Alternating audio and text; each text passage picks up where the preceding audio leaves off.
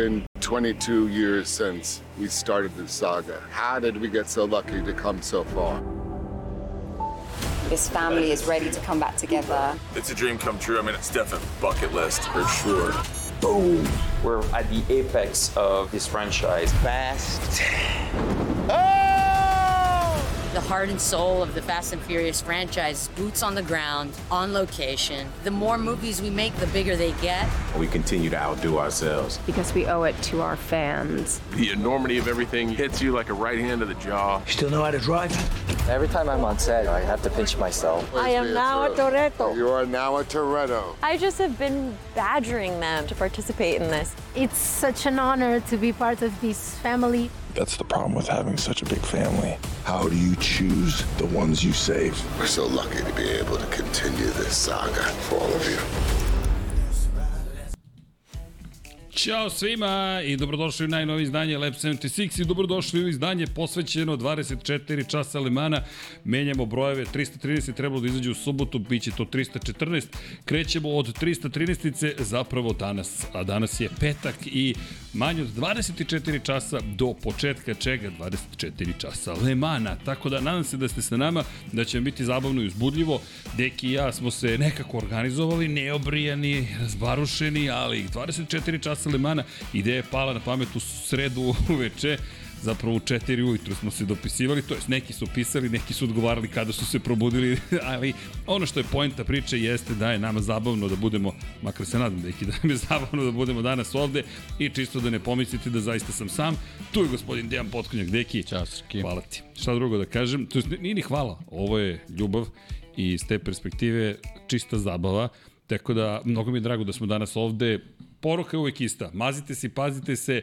Ja sam u kosmos majici, nisam stigao ni da se presvučem. Dakle, sa sport kluba, u letanju studiju na kraju univerzuma, ali poruka je uvek ista. Dakle, u kosmosu, na planeti Zemlji, gde god da ste, budite dobri jedni prema drugima, mazite se i pazite se i volite se, a mi ćemo se truditi da vam naravno pričamo o čemu, pa o automotosportu. Danas ćemo pričati o 24 časa Lemana i bez Dena Potkonjaka to ne može da postoji. Dakle, svi možemo se skupimo, ali deki bez tebe, prosto nema tog filma. Ja ću vas pozvati još jednom, naravno, da budete dobri jedni prema drugima i zaista da uživate u vikendu pred nama. Velika nagrada Italije u, u motociklizmu, u Muđelu. S druge strane, 24 časa Lemana, očigledno u mestu koje se zove Leman. Pričat ćemo još o tome zašto u Lemanu, kako smo došli do toga. Najavit ćemo da ovu trku koja je, na, nije stota, 91. pred nama, pa ne znam da li baš jubilarna, ali nekako svi se hvatamo za taj jubilej. Pre 100 godina održana prva u istoriji. U svakom slučaju, ono što je point jeste da smo mi tu sa vama i da se nadam da ćemo se danas lepo ispričati. Naravno, pozvaćemo vas i da uradimo neke lepe stvari, da se potrudimo da, jel te, učinimo planetu boljom, pa iz te perspektive, naravno, pozivamo vas za, da, da prosto učinite nešto pozitivno, nešto dobro, ukoliko možete da, da pomognete, na primjer, Jovani, čisto da spomenem Jovanu, često je spominjemo, ali budi human 1492 na 3030 ukoliko možete da pošaljete ili iz švajcarske human 1492 na 455 i tekako će značiti. Eto, to je naš mali poziv, pozvaćemo vas i da podržite Martina, prosto zajedno nekako da učinimo šta je do nas, pa da pokušamo da im pomognemo da uživaju i da žive jedan lep život i da se druže sa nama i da prate 24 časa Lemana i da ko zna Martini vozi nekad u dalekoj budućnosti, mada to nije tako daleko šta za 17-18 godina, ali mada kad tako kažem kada tako kažem, zavisi iz čije perspektive. No, činjenica je da sve to pozivam da pomognete, ako ne njima, nekome i da prosto učinimo nešto pozitivno i dobro. Deki, jesi mi dobro? Dobre. Dobro je. Dobre. Dobro, može i bolje, Petak ali... je, da. ali vidi, da. to je samo to znači da je to samo dan pre nego što odemo u Le Mans. O, vidi Rimu, dan pre nego što odemo u Le Mans. Deki, kada je reč o Le Mansu, odakle da krenemo? Da krenemo od, ne znam, Grand Prix trkanja. Kažu, brži ton od slike. Sad ćemo mi to da rešimo, drugari. Nemojte ništa da brinete. Sad ćemo mi odmah da rešimo to jednom fotografijom koju ćemo da ubacimo i onda ću ja da namestim to, tako da znate, ne znam zašto. Zvuk je brži od svetlosti. Zvuk je brži od svetlosti, a, ali dobro. Evo, dajte nam sekund i odmah ćemo to da rešimo. Dakle, sad ćemo mi to da pokušamo da uradimo na jedan način, a dok ja to rešavam, evo jedna molba, a to je naravno da ostavit ću ovaj kadar, pa eto, nek vam to bude poziv. Deki, samo mi daj sekund, sad ćemo mi to sad ćemo to da rešimo ispod halbe. Ovo je 24 časa Lemana, Tako je. 24 časa studija zapravo. Tako je, uvek ima, ima neki razlog zbog čega mora da bude ovaj, uzbudljivo i sa improvizacijom, ali zato smo tu, tako ovaj, Pa ne bi trebalo, ali generalno ljudi su već navikli da, da dobijaju te sadržaje koje ponekad nije jednostavno srediti, tako da ovo ide brzo. Da, ovo ide brzo, sad samo da, da vidim da li sam uspeo da nas oživim. Ajmo da vidimo. Da vidim kojom brzinom se te stvari dešavaju. A i da vidimo deki sad da li smo uspeli. Da probamo, samo što se ja ne vidim, pa ne znam da li, da li govorim. Pa, tu je negde. Delo je da je bolje, ali tu je negde. Pa, mala je razlika. I, jel bolje sada? Ne znam šta je potrebno još da se uradi, ali... Nemam pojma. Ali jel sada jesmo uspeli?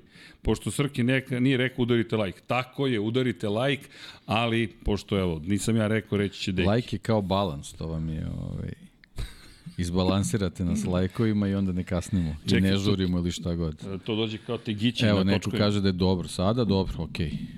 Negde dobro, negde možda malo nije, ali dobro. Ma, ljudi, a, dobro Šta je... imate da nas gledate, slušajte šta, šta se priča. Pustite nas dvojice. Nas dvojica, pa Da. dobro, mi ćemo i dalje da pričamo. Nešto ćemo svakako da pričamo. Sad šta ćemo da pričamo, ne znam, ali ćemo da pričamo. Elem, ovo je slično kao sa Pajem, kad sam se organizuo, to je kad se ovde, ovde inače sve radimo zajedno. Samo pitanje ko će se pojaviti. Mnogo je pitanje gde si Deki u Formuli 1. Ne postoji nikakav razlog skriveni da Deki nije u Formuli 1. Da možemo da ga multiplikujemo, bio bi u Formuli 1, ali verujte, koliko, evo, da pipam ga, čovek je od krvi i mesa, dakle nije izmišljen, nije hologram i to je jedini razlog, dakle ne postoji neka, skrivam, i se posvađao s Pajom, čekaj, da, da, te pitam ovako. Ne, ali šalom na stranu, zaista ne postoji nikav neki poseban razlog. No, drago nam je da, da kaže Srki, pa ti si tonac, a ne voditelj. Mi smo, ljudi, Mi smo garaža 76, samo miksa i toki nam nedostaju. Sve radite, nema tu spavanje, to je pravi Le Mans. Sve se sređuje, sve se namešta. Kad se neko pita šta radiš, pa Evo, čekaj dok si na tom kadru. Dobro, dok se na tom kadru, ti tonac, voditelj i a, znaš šta ćeš da uradiš. Deki sada radi nešto iza kulisa, ja vam to naravno neću pokazati. To jest on misli da vam ja neću pokazati, ali... Nervirate što se vrti majice, jel da? što se ne vidi Čekaj, što se ne vidi, zašto je ta majica? E, sad se vidi. Vidi, deki. Sa, o, ne, bi, taman se videlo. Možda da zakačiš desni rukav za gitaru, za žice. Razumeš? I onda će da se istakne grb Ferrarija. Inače, sve je u znaku Ferrarija. Evo, malo se vidi. To, to. Pera kad je, čemu se radi? Pera kad je slagao da špicu, stavio je samo Ferrarije. Dakle, navijači Ferrari, ako nismo ispuštovali Ferrari u ovom uvodu, ništa nismo uradili, ali šalu na stranu. Ljudi, ajmo da krenemo od, od blagog početka, mada nemamo baš neki klasičan scenar ili plan. Prva stvar koju hoću da napomenem jeste da je ovo 100 godina od kada je održana prva trka 24 časa Le Mana. I to je ogroman, ogroman jubilej. Trke, kako su nastale, o tome ćemo sada da pričamo. Deki, mi pričamo o istoriji auto, motosporta koja je počela još ranije, Dakle, da sad nađemo prvu trku koja je ikada održana možda je malo teže, ali Grand Prix trke su već postojale u momentu kada se formira trka 24 časa Le Mana. Za one koji ne znaju velika nagrada, zašto je zovemo velika nagrada? Pa to je na francuskom Grand Prix. Tako da, velika nagrada. Elem, šta je bila pojenta trka izdržljivosti? On zvuči poznato. Endurance Racing, pa da automobili izdrže. E sad, otkud baš Le Mans? Pa to je onaj stica iz lepih okolnosti. U ovom slučaju lepih okolnosti neko je odre, odredio da to bude u gradiću koji se zove Le Mans. I ako pričamo o autoklubu Zapada, dakle pričamo zapravo zašto Zapada, pa na Zapadu smo francuski, dosta su jednostavno objašnjenja, Autoklub West, ACO takozvani, gdje je sedište, čije je sedište zapravo u Le Mansu je rešio da se tu trkaju i da krenu u testiranje automobila kroz trku izdržljivosti. Pradili smo pre dve nedelje priču o Isle of Man TT-u koji je 20 godina ranije krenuo u trkanje. Ovo je sada trkanje koje je otišlo na sledeći nivo. Pandan Grand Prix-u, ali da ne traje kao Grand Prix, nego ne, ajmo da vas testiramo, čak nećemo ni da vam sredimo asfalt, nego kako jeste, tako je. Pa dobro, da, generalno to je bio taj neki period kad su te trke sportskih automobila bile u trendu, jednostavno nije bilo toliko nekih drugih tehnoloških mogućnosti kakve mi sad imamo ovaj, u, u raznoraznim segmentima, ali generalno automobili su u tom periodu bili nešto što, što je onako uzimalo zamaha, razvijalo se, ljudi su otkrivali raznorazne stvari, učili kroz taj tehnološki razvoj i potpuno je ono bilo logično da se u tom nekom segmentu pojave i oblici takmičenja kao što su automobilske trke. Sad, naravno, sa, sa, sa razvojem automobila, ključna stvar je bila da se utvrdi ko je brži. To je uvek onako nekako bilo, bilo u krvi i u, u, u genima svih, svih koji su se time bavili, ali nekako je trebalo ubaciti još, još neki mali začin, a to je bilo, bio upravo to što si rekao, ok, hajde trkat ćemo se da vidimo ko je brži, ali da vidimo ko može na dugačku distancu, ko može da bude i brz i izdržljiv. I to je nekako kroz, kroz taj, taj takmičarski ovaj, segment bila, bila i stvar koja u stvari služila ovaj, razvoju samog automobilizma, jer su se generalno kroz, kroz pripreme tih automobila da budu što, što izdržljiviji, a, a ujedno i dovoljno jaki i brzi, možda u nekim segmentima se i nesvesno razvijala automobilska industrija koja kasnije mnogo stvari dobila iz tih vrhunskih automobilskih trka, a naročito sa trke 24 časa Le Mans. Da, 24 časa Alemana kada pogledaš je sada jedan poseban događaj. To je manifestacija koja prevazilazi automotosport. To je ne samo autosport, prvu disciplinu sportskih automobila. 24 časa Lemana se smatra jednom od tri najvažnije trke u istoriji čovečanstva, uz 500 milija Indianapolisa i veliku nagradu Monaka. Sad možemo da pričamo o ukusima, pogledima i tako dalje i tako dalje, ali to je pitanje i prestiža. Dakle, mi tu govorimo 500 milija Indianapolisa test, čist test brzine. Dakle, imate 200 krugova na stazi dugačkoj 2,5 milje, gde dosežete gotovo 400 km na čas i imate Monako koji je stvar prestiža. Tu su, jel te, tu je knez, to, je, to su prinčevi, princeze, dodeljuju se neki prelepi pa, trofeji. Ali, ali kroz takmičarski, ovaj, kroz takmičarski pogled, ovaj, Monako je trka gde je pre svega neka, neka spretnost i snalažljivost u tim automobilima od predsutnog značaja, tako da je sve pokriveno kroz, kroz te tri trke, da ih tako kažemo, ovaj, to, to, ta trostruka kruna čuvena koja je ovaj, nekako zacementirano u autosportu i svi vozači koji kreću u, u, u, od naj, najnižih kategorija, možda ne od početka dok ni oni ne saznaju šta sve postoji, ali u nekom trenutku svi vozači koji su, koji su formirani, naravno, glavni cilj je da, da se pobedi na sve tri trke. Mislim, to je, to je jednostavno što je, što je u krvi svakome od njih a to je za sada pošlo za rukom samo jednom čoveku. Graham Hill, čovek koji je pobedio više puta, pet puta čak pobedio na velikoj nagradi Monaka, pobedio na 24 časa Lemana i pričamo o, pričat ćemo o klasama, kategorijama na, u glavnoj kategoriji. Dakle, u ukupnom generalnom plasmanu je bio prvi, zajedno sa svojim posadom, niste nikada potpuno sami, pogotovo ne u ovom tipu trkanja, i pobedio na 500 milija Indinapolisa, 500 milija Indinapolisa koji su nekada bile sastavni deo šampionata sveta Formule 1. I zato je ta istorija tako velika. U poslednje vreme nekako gledamo, prisustujemo revitalizaciji spoja između Sjedinjenih američkih država i Evrope, pa je ta trostruka kruna postala još važnija. Vole bih da kažem da pobednik 24 časa Lemana prvi iz aktuelne plejade vozača Formula Niko Hulkenberg je pokrenuo to, ali deluje mi da je Fernando Alonso svojom penzijom i odlaskom da se takmiči za Toyota 24 časa Le Mans i pokušaju da se kvalifikuje, pa i jednom učešćem uspešnim relativno, na 500 milijeni napoj se zapravo pokrenuo ponovo tu priču, jer u tom momentu se čini da Alonso više ne može da se bori ni za što u Formuli 1, što danas u Aston Martinu vidimo da nije tačno, i jednom sve oživjelo. Ali, Le Mans nikada nije gubio na svom sjaju. Le Mans je, nije ni 500 milijeni Indianapolisa, samo se nekako stvorio jaz po, po, između kontinenta okeanski, ali 24 časa Lemana, deki, to je ta trka koju toliko želiš pa to da, je da ta fascinacija, mislim, generalno ovaj, sa, sa, sa napretkom čovečanska, čovečanstva, da tako kažemo, ovaj, neke, neke mora nekih interesovanja koji, koji svi jednostavno imamo nekako uh, se izgubi ta, ta neka groznica vezana za, za, za određene trke, međutim kako se one bliže, kako, kako se ovaj, uh,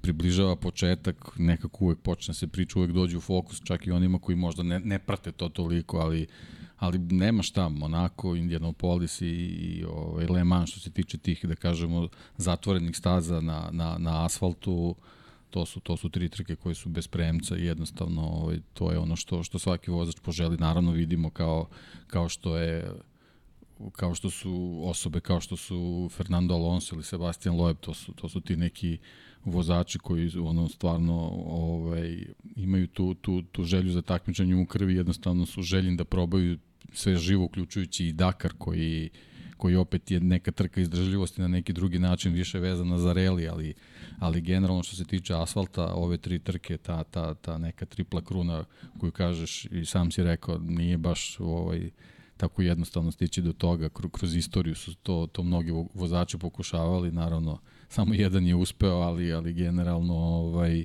svako, svako sanje da, da, da, da nekako veže to. Kada pričamo o vezivanju, ovde imamo, trenutno imamo niz pobjeda Toyota koja se decenijama borila da dođe do toga da uspe. Trenutno je Toyota ta koja, pričat ćemo i toj genezi, da kažemo, tih uspeha. Toyota koja želi i konkurente vrlo ozbiljno da pokaže možemo mi ne samo kada smo sami na stazi. Međutim, da se vratimo malo kroz malkice, kroz isto malo više možda, ali prva trka 20 proizvođača, uglavnom francuski sada već u velikoj meri zaboravljeni proizvođači, to je nekako početak, ali jedno je početi, drugo je održati to takmičenje. 91. izdanje, deki, kroz sve godine koje su prošle, Le Mans je postigao nešto što se redko viđa. Međutim, da ne bude da je ovo samo trka izdržljivosti, mi pričamo o ozbiljnim brzinama. Dakle, mi pričamo, 80. godina smo došli do toga da Mulzan pravcu, inače za one koji ne znaju, kada izgovorimo Mulzan pravac, mi to izgovaramo sa strahopoštovanjem. Odmah da se razumemo, dakle, kada vam kažemo strahopoštovanje, imao sam zaista mnogo sreće ove godine da odem u Le Mans, ti si bio, nisi me upozorio, spremio si me, ali me nisi upozorio, dakle, šeretski praktično, pustio si me da, da sam padnem u nesvest i zaista sam pao u nesvest, jer bez obzira što se trka Moto Grand Prix vozi na kratkoj stazi Bugatti, ti kada prođeš kolima, skreneš na mulzan pravac i nisi shvatio da si izašao i onda shvatiš, čekaj, šikana, čekaj, ovde, o, H, Mark Weber, stani, odbojne ograde, stani, stoji ograda koja hvata automobile, dakle ti pogledaš, to je nešto što je sastavni deo tog grada, ali ovoga vikenda to nije sastavni deo grada, je sastavni deo planete. Inače, na mulzan pravcu, zašto se divimo, mi smo došli do toga da pređu 400 km na čas, 80 i ne znam tačno koje 407 km na sat je brzina koja je razvi, razvijena maksimalna, ali više automobila je išlo preko 400 km na sat i onda su u tom trenutku shvatili da kao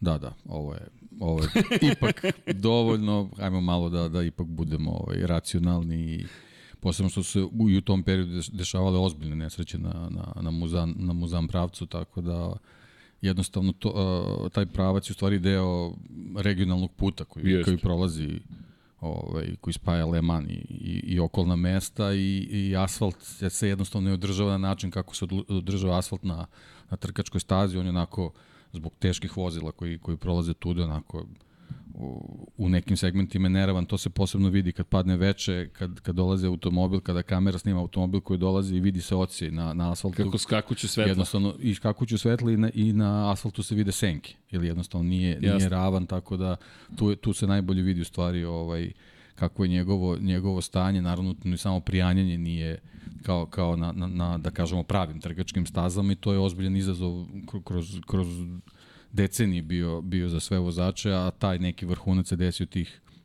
tih 90 kad su kad su turbo automobili vladali te te brzine preko 400 km na sat sigurno su bile onako uživo koje mogu da vidi i zastrašujuće i verovatno u isto vreme i onako više nego atraktivne, ultra atraktivne zbog zbog zvuka motora koji smo imali tih godina, sad je to sve naravno u nekoj priči malo drugačije, ali generalno videli smo bez ikakvih problema ovaj, i, i juče tokom uh, treninga i kroz, kroz kvalifikacije hiperautomobili dostižu 340 km na sat, što nikako ne može da se, da se podvede pod kao mala brzina.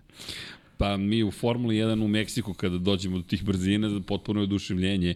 A dobro, Formula 1 je drugačija. Brzine u krivinama su neuporedive u Formuli 1, ali možda i ne. Zašto?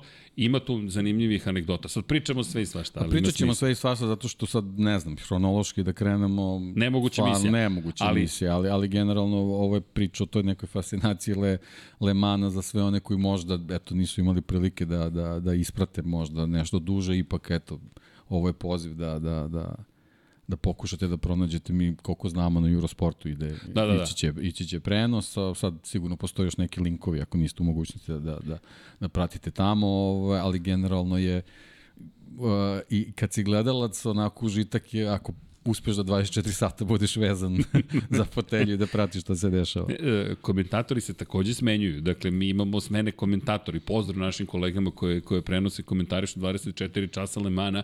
Nema mnogo toga što bih dodao na, na bucket list komentatorski, ali jedna od stvari je Super Bowl sa lica mesta, 24 časa Lemana i 500 milijeni Indianapolisa. Dakle, to su te stvari Dobro, koje ali, želite. ali tu ima fanatika, ja mislim da bismo mi vjerojatno ovaj, spadali među njih. Ima ljudi koji su završavali trku solo. ja mislim Dok se da nisu da sam- pravila je. promenila, da, da, da. ne, ne, ima, bilo je svega, ali malo iz perspektive, bezbednosti ne bi bilo zgorek da se ipak neki Da. da. nekako drugačije organizuju stvari, ali kada pričamo i, i konkretno o prenosima, pratite Radio Le Mans. Ako pričamo o kultovima, sad kad sam bio u Le Mans, to, mi je, to, to su mi, to su mi utisci, redko koja me staza ostavila bez teksta, ali ne bez teksta da sad ne znam šta da kažem, imam mnogo toga što ću da kažem, ali da vas ostavi u tišini, da je, da je dovoljno da ćutite i sad prolazim pored komentatorskih kabina i razmišljam da li su ovo sad naše komentatorske kabine, ne, to su kabine za radio. To su kabine za te ljude, jer Radio Le Mans je čuveni radio. Radijski prenos Le Mans je nešto posebno, čak i ukoliko ne razumete jezik, u redu je. Emocija koja se prenosi kroz radio je posebna i za njih posebne kabine. Naše kabine konkretno su bile zapravo na benzinskoj pumpi, bukvalno na krovu benzinske pumpe u Vi niste kontejnerima. bitni uopšte. ali bukvalno, kao čekaj šta ovi rade, ba ne, pusti za to. ne, ali bukvalno je to bila situacija i sad dolazim, prolazim kroz onaj tamo deo i kažem, aha, čekaj, ovo je to mesto i sad ja sam ušao u kabinu čisto da bih osetio tu kabinu. Tako da to nije samo priča o ljudima koji voze, to je priča o mehaničarima, Boži Tatarević koji nadam se da će biti jednog dana 24 časova koji spavaju, ali moraju da budu budni jer svakog trenutka može da se promeni sve u trci Le Mans. Le Mans stil starta, šta, to, šta je Le Mans stil starta? Vaš automobil, vozilo stoji preko puta vas, vi krećete trčećim korakom zapravo ka automobilu ili se penjete na motocikl ili ulazite u vozilo i tako krećete. To je Le Mans start. Da, to neko trčanje, taj, taj radio prenos, meni sad odmah u glavi kad se to spomenuo, to su oni mikrofoni koji imaju Jeste, razdel. jeste, jeste. ovaj, to, to su te, te neke, neke tradicije koje, koje se neguju, naravno, Le Mans start je morao da bude vremenom promenjen, pošto je bilo prilično opasno. Jeste. I sad, sad bi i tekako bilo opasno. Kod, kod motociklista još uvek postoji, da, Da, da se da, razumemo. da, da, kod motociklista je, postoji, oko automobilizmu ipak Ne, ne, ne. malo bi bilo problematično. Da. I za motociklizam nisam siguran kako su kako je preživeo, ali ali ovaj da, stvarno je, stvarno je spektakl, ovaj i i generalno te 24 časovne trke su, su nešto posebno. Imamo imamo šampionat naravno su trke izdržljivosti, ali što se tiče 24 sata Daytona i Le Mans je nešto što onako stvarno je, je neponovljivo i, i generalno treba, treba doživjeti. Ja znam, mi imamo stvarno mnogo ovih naših gledalaca, slušalaca, subscribera, fanova, patrona, kako Udrite god. like. da, javljaju nam se, ovaj, šalju slike sa trka Formula 1, sa Moto Grand Prix, ali ljudi predivno. stvarno probajte, probajte da, da, da jednom postavite neku trku izdržljivosti da vidite šta je u stvari to i koliko je to nešto što iz, izvuče koren iz istorije automobilizma i u stvari predstavlja tu neku suštinu zbog, zbog čega sve ostalo i postoji. Samo da, da pokušamo to upravo da prenesemo. Dakle, Le Mans za vreme Moto Grand Prix ima kamp koji ljudi živi. Taj kamp ne spava tri dana, a to su kratke sprint trke. Zamislite kamp tokom 24 časa Le Mana.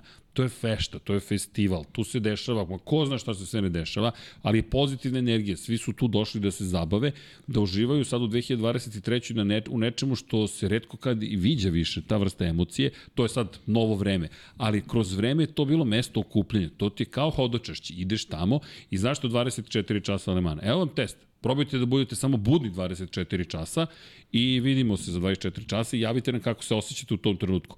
A vozači moraju da prođu šta? Pri čemu? Pri čemu? Mi smo na severo da nije toliko severo-zapad, ali severnije malo od centra Francuske, na zapad Francuske, blizu, blizu Atlantika, smo da- zapravo delova Atlantika i ti sada kažeš, čekaj, vremenski uslovi, morate kroz kišu, vetar, sunce, jesen, proleće, zima, leto, sve će proći preko vas, zatim pada mrak prvo, pa se pale svetla. Još gore, kada počinje da sviće, tada kada vam se pričinjava da, da ne znam šta se dešava tamo u daljini, a staza je dugačka i danas preko 13 km i Pored toga, vi vozite, ako smo u najjačoj kategoriji koja trenutno su hiper automobili, vi ste ne 5 sekundi po krugu brži, vi ste 25 sekundi po krugu brži od nekih drugih takmičara koji možda vas ni ne vide i vi dolazite i sad treba i njih zaobići, preteći, srediti, pobediti konkurenciju, izračunati koliko vam goriva treba u kom trenutku da biste smanjili jedno stajanje tokom trke, jer možda vam to donese pobedu. I ako kasnite dva kruga, vi ste dalje u igri. Znaš šta je sad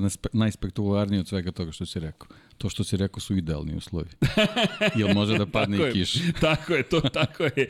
I, i, I ne samo što su idealni uslovi, nego mi sad tu pričamo o tome da nisi imao kvar, nisi imao incident, nije bilo grešaka u prilikom promene vozača. Ovde izvlačiš vozača, menjaš sedište, ubacuješ sedište. Pri čemu ti moraš kompromisno podešavanje automobila da imaš, jer ti imaš dve ili tri osobe koje upravljaju automobilom nikad im stil nije identičan, nego se traži savršena srednja vrednost. Tako je. Da se uklapaju jedan u drugog u trećeg i da odrede najbolji mogući posao. Evo, mislim, banalan je, banalno je poređenje. Ovaj, naša trka na grobniku. Ja sam imao problem, pošto sam bio najniži, e, ja nisam mogao da podesim sedište prema Miksi i Tokiju. Da, i ti... Pošto su oni morali, pošto su višlji, morali su da imaju odaljenije sedište da bi mogli A koliko, budžet toliko nije dozvoljavao komfort... promenu sedišta. Ne, ne, ne, budžet, ne, ne, ne nema promene sedišta, nego, nego, nego postojala je mogućnost da sedište bude na klizač, ali smo odustali od toga iz čisto iz bezbednostnih razloga i, i da, sedište je bilo učvršćeno. Tako da sam ja morao da imam dodatke koji u nekom trenutku jednostavno, znaš, u, u, u brzini sedaš, menjaš se, on se pomeri, nemaš vremena da se namestiš i kreneš u krug i shvatiš kad ulaziš u desnu krivinu, da ti noga beži sa papučice, pošto nemaš dobar oslonac. Tako da gomile stvari koje, koje su ovaj jako bitne za, za, za pripremu automobila je, je bukvalno jedna, jedna sitnica može da, da, da, ovaj, da ti upropasti čitav trud koji traje, mislim, naravno, velike ekipe, to su programe koji traju više godina, ali, ali da kažemo da godinu dana traje neka intenzivna priprema za Le Mans, bukvalno između, između dve trke. Sve, sve što se dešava između je priprema za Le Mans. E, evo komentar. Srđane, ti to pričaš endurance vozaču Dejanu Potkunjaku. e, ja, ja se apsolutno izvinjavam publici na mojoj nesmotrenosti. Deki, izvini, ti nema smisla zaista. Ja ta iskustva nemam. Ja sam komentator koji nije to proživeo, ali bože zdravlje, bit će prilike. Ali, ali Deki, ti si vozio Twingo, Dakle, ne, uz dužno poštovanje prema trudu koji je uložen. Mi ovde pričamo o automobilima koji se kreću preko 350 km na čas. I pričamo o tome da treba da im bude udobno, ugodno i sve to, što je nemoguće samo po sebi, pri čemu zaista taj asfalt u Lemanu, ljudi to, znate šta je najlepše? Šetaš Mulzan pravcem i ti tu prolaze kamioni, automobili, autobusi, sve tu prolaze i onda najđeš na šikanu i kažeš, pogledaš guma je utrljena u asfalt i kažeš čeka ovo ostalo ko zna koje trke, ko zna šta se ovde desilo i kažeš sebi ok, to je, to je, to je bukvalno Le Mans i ta velelepna zdanja na, na startno ciljnom pravcu, ogromne građevine koje je autoklub Zapada napravio i sve to stvorilo taj kult, ali sam hteo nešto da kažem mnogo bitno, deki, ajmo da spomenemo samo poređenje sa Formulom 1, Spa Frankošam, koja godina beše kada je Andre, Andre Lotterer je vozio, da, vozio je Caterham. Da, to je, to je, pričali smo, to je onako bilo zvo, zvo, zvono za uzbunu za Formulu 1. Jel, Andre Lotterer je ti godina bio redovan u Audiju, čini mi se da je, da je tad vozio, on je tri puta, čini mi se, pobedio na Le Manu kao član Audija ovaj, i dobio je priliku, sad već ne mogu da se setim, nekoga je menjao ovaj, u Caterhamu, dobio je priliku da vozi na Spa, a nedelju, dve, tri pre toga je vozio endurance trku kao, kao član Audi tima u, u, u LMP1 klasi i na konferenciji za štampu posle prvih treninga kad su pitali onako ushićeni novinari, pošto to je, to je onako nekako tradicionalno vezano za, za vozača koji imaju priliku da voze jedno i drugo, da, da ih pitaju kakvi su utisci u smislu odgo, čekajući odgovor da, da utisci budu super pozitivni ovaj, oko Formula 1, međutim Andre Lotterer je rekao, posebno kad su ga pitali vezano za oružje, on je rekao pa ja kroz, ja sa mojim LMP1 prolazim brže nego sa Caterhamom. E, mislim da je to trenutak bilo kada je organizacija Formula rekla čak, ne može ovo baš ovako da bude i da su možda tad već počeli da razmišljaju da da te, ovaj, kako su ih popularno zvali, usisivače menjaju i da, i da, da Formula 1 konačno postane ponovo trka pravih trkačkih automobila. Da, to je, to je bilo problematično. 2014. godine je vozio u Belgiji. Tako Čak i- nešto, da, to je sad već ima, imala tad vremena, je prošlo. Pa skoro 10 godina, ali on tih godina i jeste vozio za Audi, on je u to vreme osvajao zapravo 24 časa Le Mana, konkretno 2014. je pobedio u Le Manu, u okviru priprema su vozili Spa, Da. Spa inače pozdrav za Hasana Bratića koji nam je ustupio fotografije za thumbnail i za špicu i koji je čudno mi čuda bio u Spa na trci sportskih automobila i sada ima fotografije Ferrarija koji je na pol poziciji o kojem ćemo tek da pričamo. Inače, ovo vam je laki uvod u 24 časa Le Mana. Pošto bi nam bilo potrebno 24 časa da vam sve ispričamo. Elem, ali poenta sa pričamo o Le Manu jeste upravo u tome da je u jednom trenutku brzina i upravljivost i ležanje u krivinama došlo do nivoa koji nismo ni slutili da je, da je, da Ne je samo moguće. nivo, uh, 60. 70. 80. Uh, mogućnosti su tad bile i želje tih vozača, momci koji su vozili Formula 1 paralelno su želeli da se pojave na, na trkama izdržljivosti, posebno na, na na trci u, na trci u Le Manu. Ovaj, to je tek u, u, u jednom trenutku, možda nekih 90-ih, ovaj, je došlo do, do, do, do te neke, da kažemo, podele, pre svega zbog zguskuntijih kalendara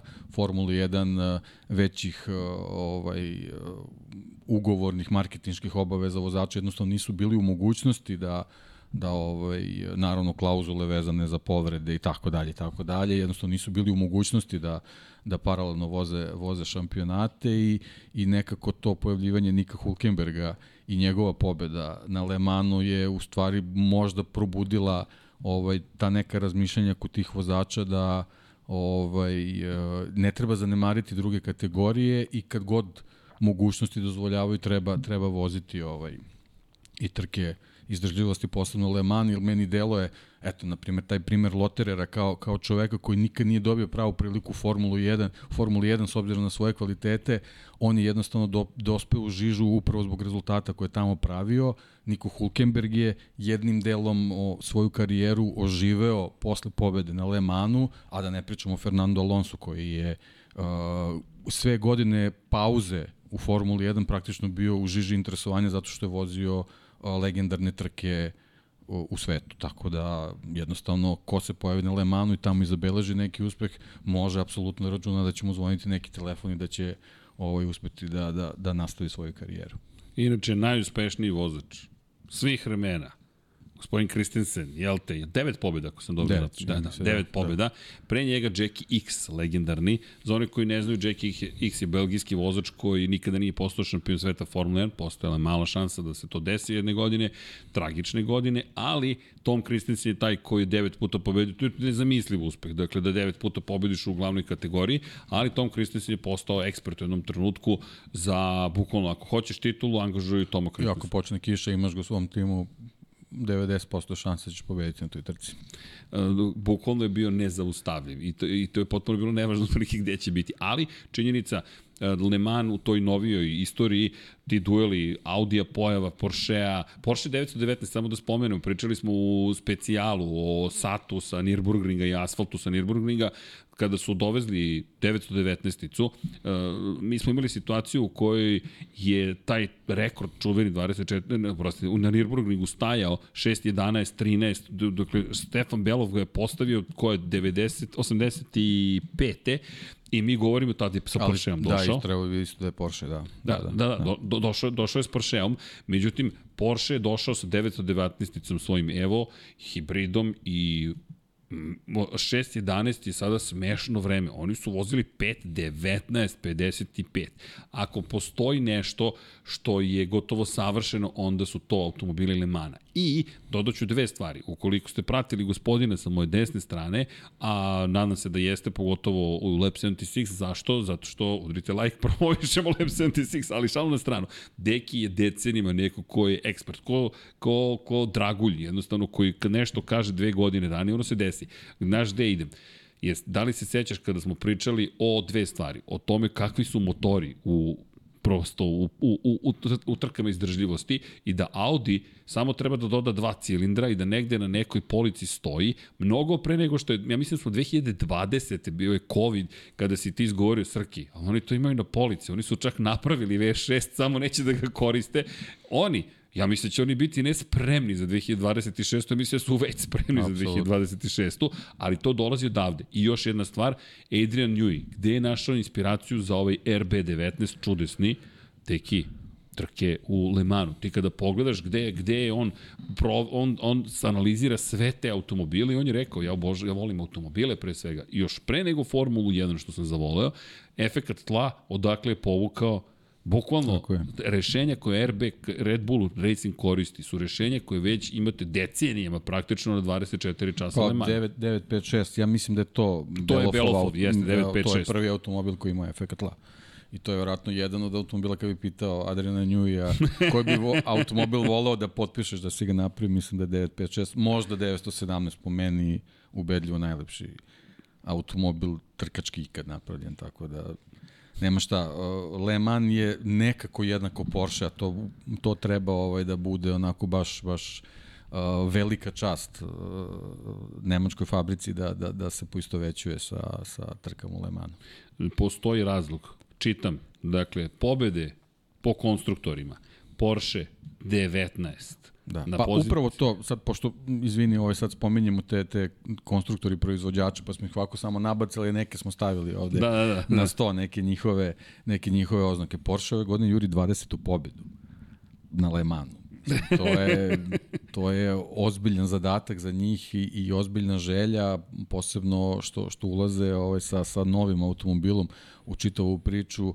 Ovaj, oni se ozbiljno, ozbiljno su se pripremali za, za, za Le Mans. uh, Znači, to je, kako bih rekao, znači, čitava, čitava armija u Nemačkoj, pošto su sa Penskijom ovaj, u kombinaciji, oni bukvalno čitavu ovu godinu i, i, i trke uh, u svetskom šampionatu uh, koriste praktično kao, kao testove i pripremu za, za, za, za trku u Le Mansu. Oni su imali čini mi se da da na Paul Ricaru bilo, oni su 36 sati simulirali bez ne, neprekidne vožnje da bi ovogodišnji automobil pripremili za, za trku, da bi ispitali šta valja, šta ne valja. Uh, trku u Spa su recimo koristili za, za, uh, za pripremu setapa za, za, za Le Mans, uh, trka u Sebringu je korišćena da se vidi kolika izdržljivost automobila, pošto tamo jako, jako neravan asfalt. Uh, Znači, bukvalno sve, sve šta se dešavalo ove, ove godine usmereno je ka tome da se što, što bolje pripreme za, za ovu trku, jer, kažem, ako pobede, to će biti 20. pobeda na Le Mansu, to je stvarno nešto što, što pre svega oni žele, a sa druge strane to je onako neki ozbiljan domaći zadatak za, za ostale ekipe. Kada pričamo o, o, o istoriji i brojevima, samo dva proizvođača imaju više od 10 pobjeda. Jedan je Porsche 19, Audi je na poziciji 2 sa 13, ali čak ni Audi nije dosegao Porsche u momentu kada se činilo početkom 2010-ih da će to biti to. Porsche da, bilo rekao... 16-13, onda je. Porsche rekao čekaj, čekaj. Čekaj, stani, stani, čekaj, nismo se tako dogovorili. I odjednom su uskočili u celu priču, a na poziciji broj 3 Ferrari. Ferrari koji je zvanično prestao da se takmiči u glavnoj kategoriji, pričat ćemo i klasama koje postoje, ne možemo da napravimo sve koje su postojali, izvo- izdvojit ćemo one najvažnije. Ferrari je poslednji put učestvovao zvanično na 24 časa Le Mans u, U najjačoj najjačoj klasi. Da. 1973. Deki, mi slavimo 100 godina Le Mana. 50 godina nije bilo Ferrari, a Ferrari ima 9 Bilo je pobjeda. Ferrari, ali nije ali ne u toj klasi. kategoriji, da, da, tako da, je. Oni su bili prisutni, ali meni je to nekako povezano sa, sa tim 70. u Formuli 1 gde jednostavno moralo da se ovaj da se odluči šta ćemo. Znači da li ćemo se boriti na dva fronta ili ćemo se usmeriti na jedan i probati da tamo uradimo nešto više, ovaj, jel, jel 70. godine, početak 70. je pokazao da Ferrari više nije dominantan ni u Formuli 1, da će morati ozbiljno, ozbiljno se bore da bi nešto uradili i nekako mi se to poklapa jedno, jedno s drugim, ovaj, tako da borba je trajala, ali međutim ova pojava hiper automobila, hiper kategorije koju mislim da je odličan, odličan potez organizatora i čitave te ekipe zajedno sa FIOM koja je učestvovala u svemu tome, ovaj je doveo do toga da se ih Ferrari ohrabri da se vrati i ovi rezultati koji su zabeležili i, i tokom kvalifikacije, generalno stvari na trenizima i na kvalifikacijama i na hiperpolu da se stvarno vidi da je, da je Ferrari najbrži automobil, izdržljivost je nešto drugo. ovaj, eto, o, ohrabruje sve nas da, da će i tu ovaj, italijanski brend ponovo biti u centru pažnje na, na, na način kako, kako sa tim ushićenjem pričamo o njima i, i time nekim emocijama vezano za Formula 1 da će se sva to desiti ovaj, u Le. Bukvalno je sastavni deo istorije bio Ferrari Le Mans, ali to se poklapa s godinama i dolaska Nikija Laude u Ferrari. To je tačno pre nego što je Niki stigao i počeo da radi na tome da ponovo budu šampionska ekipa. I sa Nikim su osvojili dve titule, malo posle toga s Jodim Šekterom u čuvenu 1979. i onda pauza do pa, Mikaela 312 312 kad je, kad je napravljena jednostavno moralo da se, da se posveti pažnja tom bolidu, da se on razvije do, do, do šampionskog bolida i da nije bilo to, tog udesa na Nürburgringu Laudinog, mislim da bi bez problema Osvojio minimum tri uzastopne titule bi bilo. 1976. je to bila godina, sve više 76. istorija, James Hunt je osvojio, a čak i tad je bilo pod znakom pitanja da u Fujiju je odlučio da, da vozi zapravo Lauda, pitanje da li bi Hunt bio šampion, no desilo se kako se desilo, nisu osvojili tu titulu. Zanimljivo, 312B je zapravo bio taj, da. ali znaš šta meni govori? Ovo je, a ovo je Lab 76 313. Eto. Vidiš da je sve se to uklapa kako treba. Dakle, znači, treba se zove 312B, ovaj, ovaj lep. 312B. Nema veze, problem, promenite na... Promenit ćemo, to, je, to ćemo da rešimo, to je najmanji problem. Ali da, vidiš, treba se zove 312B, baš se lepo uklapa u čast cele priče. Ne, ne, ljudi, to je kosmos, to ta, zato sam ja obukao majicu kosmos, to tako funkcioniše. Deki inače obukao majicu, boja, nemamo ove polo verzije još, ali ko kupi u ovoj boji majicu, model zvani Dejan Potkonjak, dakle, ako kupite roze, to, dakle, prihodi idu u borbu protiv raka dojke. Čisto da napomenem i te stvari. Elem, kada govorimo o borbama, ovde su borbe zapravo takođe suština. Često se dešavalo da se borbe vode do poslednjih minuta, Toyota to može da posvedoči, Toyota imala jedan naj strašnijih poraza zapravo, po manje više na kraju trke. Poslednji to to. krug. Poslednji krug, gotovo, sve završeno, odustaje autom, automobil staje. I ti gledaš, i, a to je trebalo bude prva pobeda, I kao, nema pobede. Tako da u Lemanu ne slaviš bukvalno dok nisi prošao liniju cilja. Ne slaviš, a i to slavlje ima Leman slavlje. Dakle, kada u špaliru praktično idete jedan pokraj drugog i kažete to je dominacija, ko je prati da. Formulu 1, setit će se Ferrari šta je učinio u Silverstonu svojevremeno i onda je rekao Mercedes, ok, vidimo se u Monci, pa to isto. Ali te neke sitne detalje nisu sitni, to su detalji koji su bitni, ali opet je to poteklo u Lemanu Le Mans inače koji ove godine, ajmo, možemo da pričamo, pričat ćemo i nažalost o tužnijim aspektima istorije Le Mana, pogotovo ta 1955. godina i najstrašnija nesreća koju smo imali, koja je dovela do toga da Mercedes se povuče iz Formule 1 i ne vrati se kao srebrne strele sve do 2010. godine. Dakle, govorimo o periodu 55 godina, a u tom momentu srebrne strele manje više mogu da očekuju dominaciju u Formuli 1. U svakom slučaju Le Mans je baš obeležio mnogo toga, ali za sad trenutak bi se zadržao u sadašnjosti. Trenutno pet pobjeda za redom Toyota, Pre toga Porsche je vratio svoju, jel te, krunu tri puta za redom, pre toga Audi je dominirao, Peugeot poslednji put 2009. je pobedio, Audi pre toga pobeđivao, i ako nije bio fabrički tim Audi, opet je bio Audi. Dakle, da li ima da li je u pitanju bio auto sport iz Japana ili bio champion racing, ali ono što je pojenta bila Audi baš ima jedan period baš ozbiljne dominacije. E sad, mi ulazimo u ovu eru hiperautomobila. Deki, šta su hiperautomobili? U poslednje dve godine Toyota tu pobedila u hipercars, ali zamenila LMP1 kategoriju. Šta mu sad dođe pa, hiperautomobil? Hiperautomobili u principu, eto, ta, ta neka da kažemo zamena za, za prototipove koji su stvarno otišli u neku, neku stratosferu i, i preskupi su zaista bili. I ovo je sad nek, neki pokušaj da, da se što više ovaj marki generalno vrati, zainteresuje za, za, za trke izdržljivosti, posebno zato što, što je pojavom tih nekih hibridnih pogona ovaj, kombinacijom motora sa unutrašnjim sagorevanjem elektromotora došli su od toga da, da ovaj, automobili zaista, da kažemo, na jednostavan način mogu da raspolažu sa velikim brojem konjskih snaga i da samim tim postanu konkurentni za ove trke i ova, ova godina mi je stvari već pokazala, pošto već dve sezone postoji mogućnost da se kombinuju kategorije, međutim od ove godine smo dobili priliku da, da imamo automobile koji su uh, homologirani za ove trke i za trke u Americi, da, da mogu da, da učestvuju ovaj, na, na Le Manu i samim tim ovaj, ovaj broj uh, hiperautomobila u, ovaj, na, na gridu samim tim pokazuje da, da formula je verovatno uspešna, ali naj, najbolje od svega je što, što se tu najavljuju ovaj, i, i novi automobili. Alpina je danas predstavila svoj hiperautomobil automobil koji će u sledeće godine da se, da se pojavi na, na Le Mansu.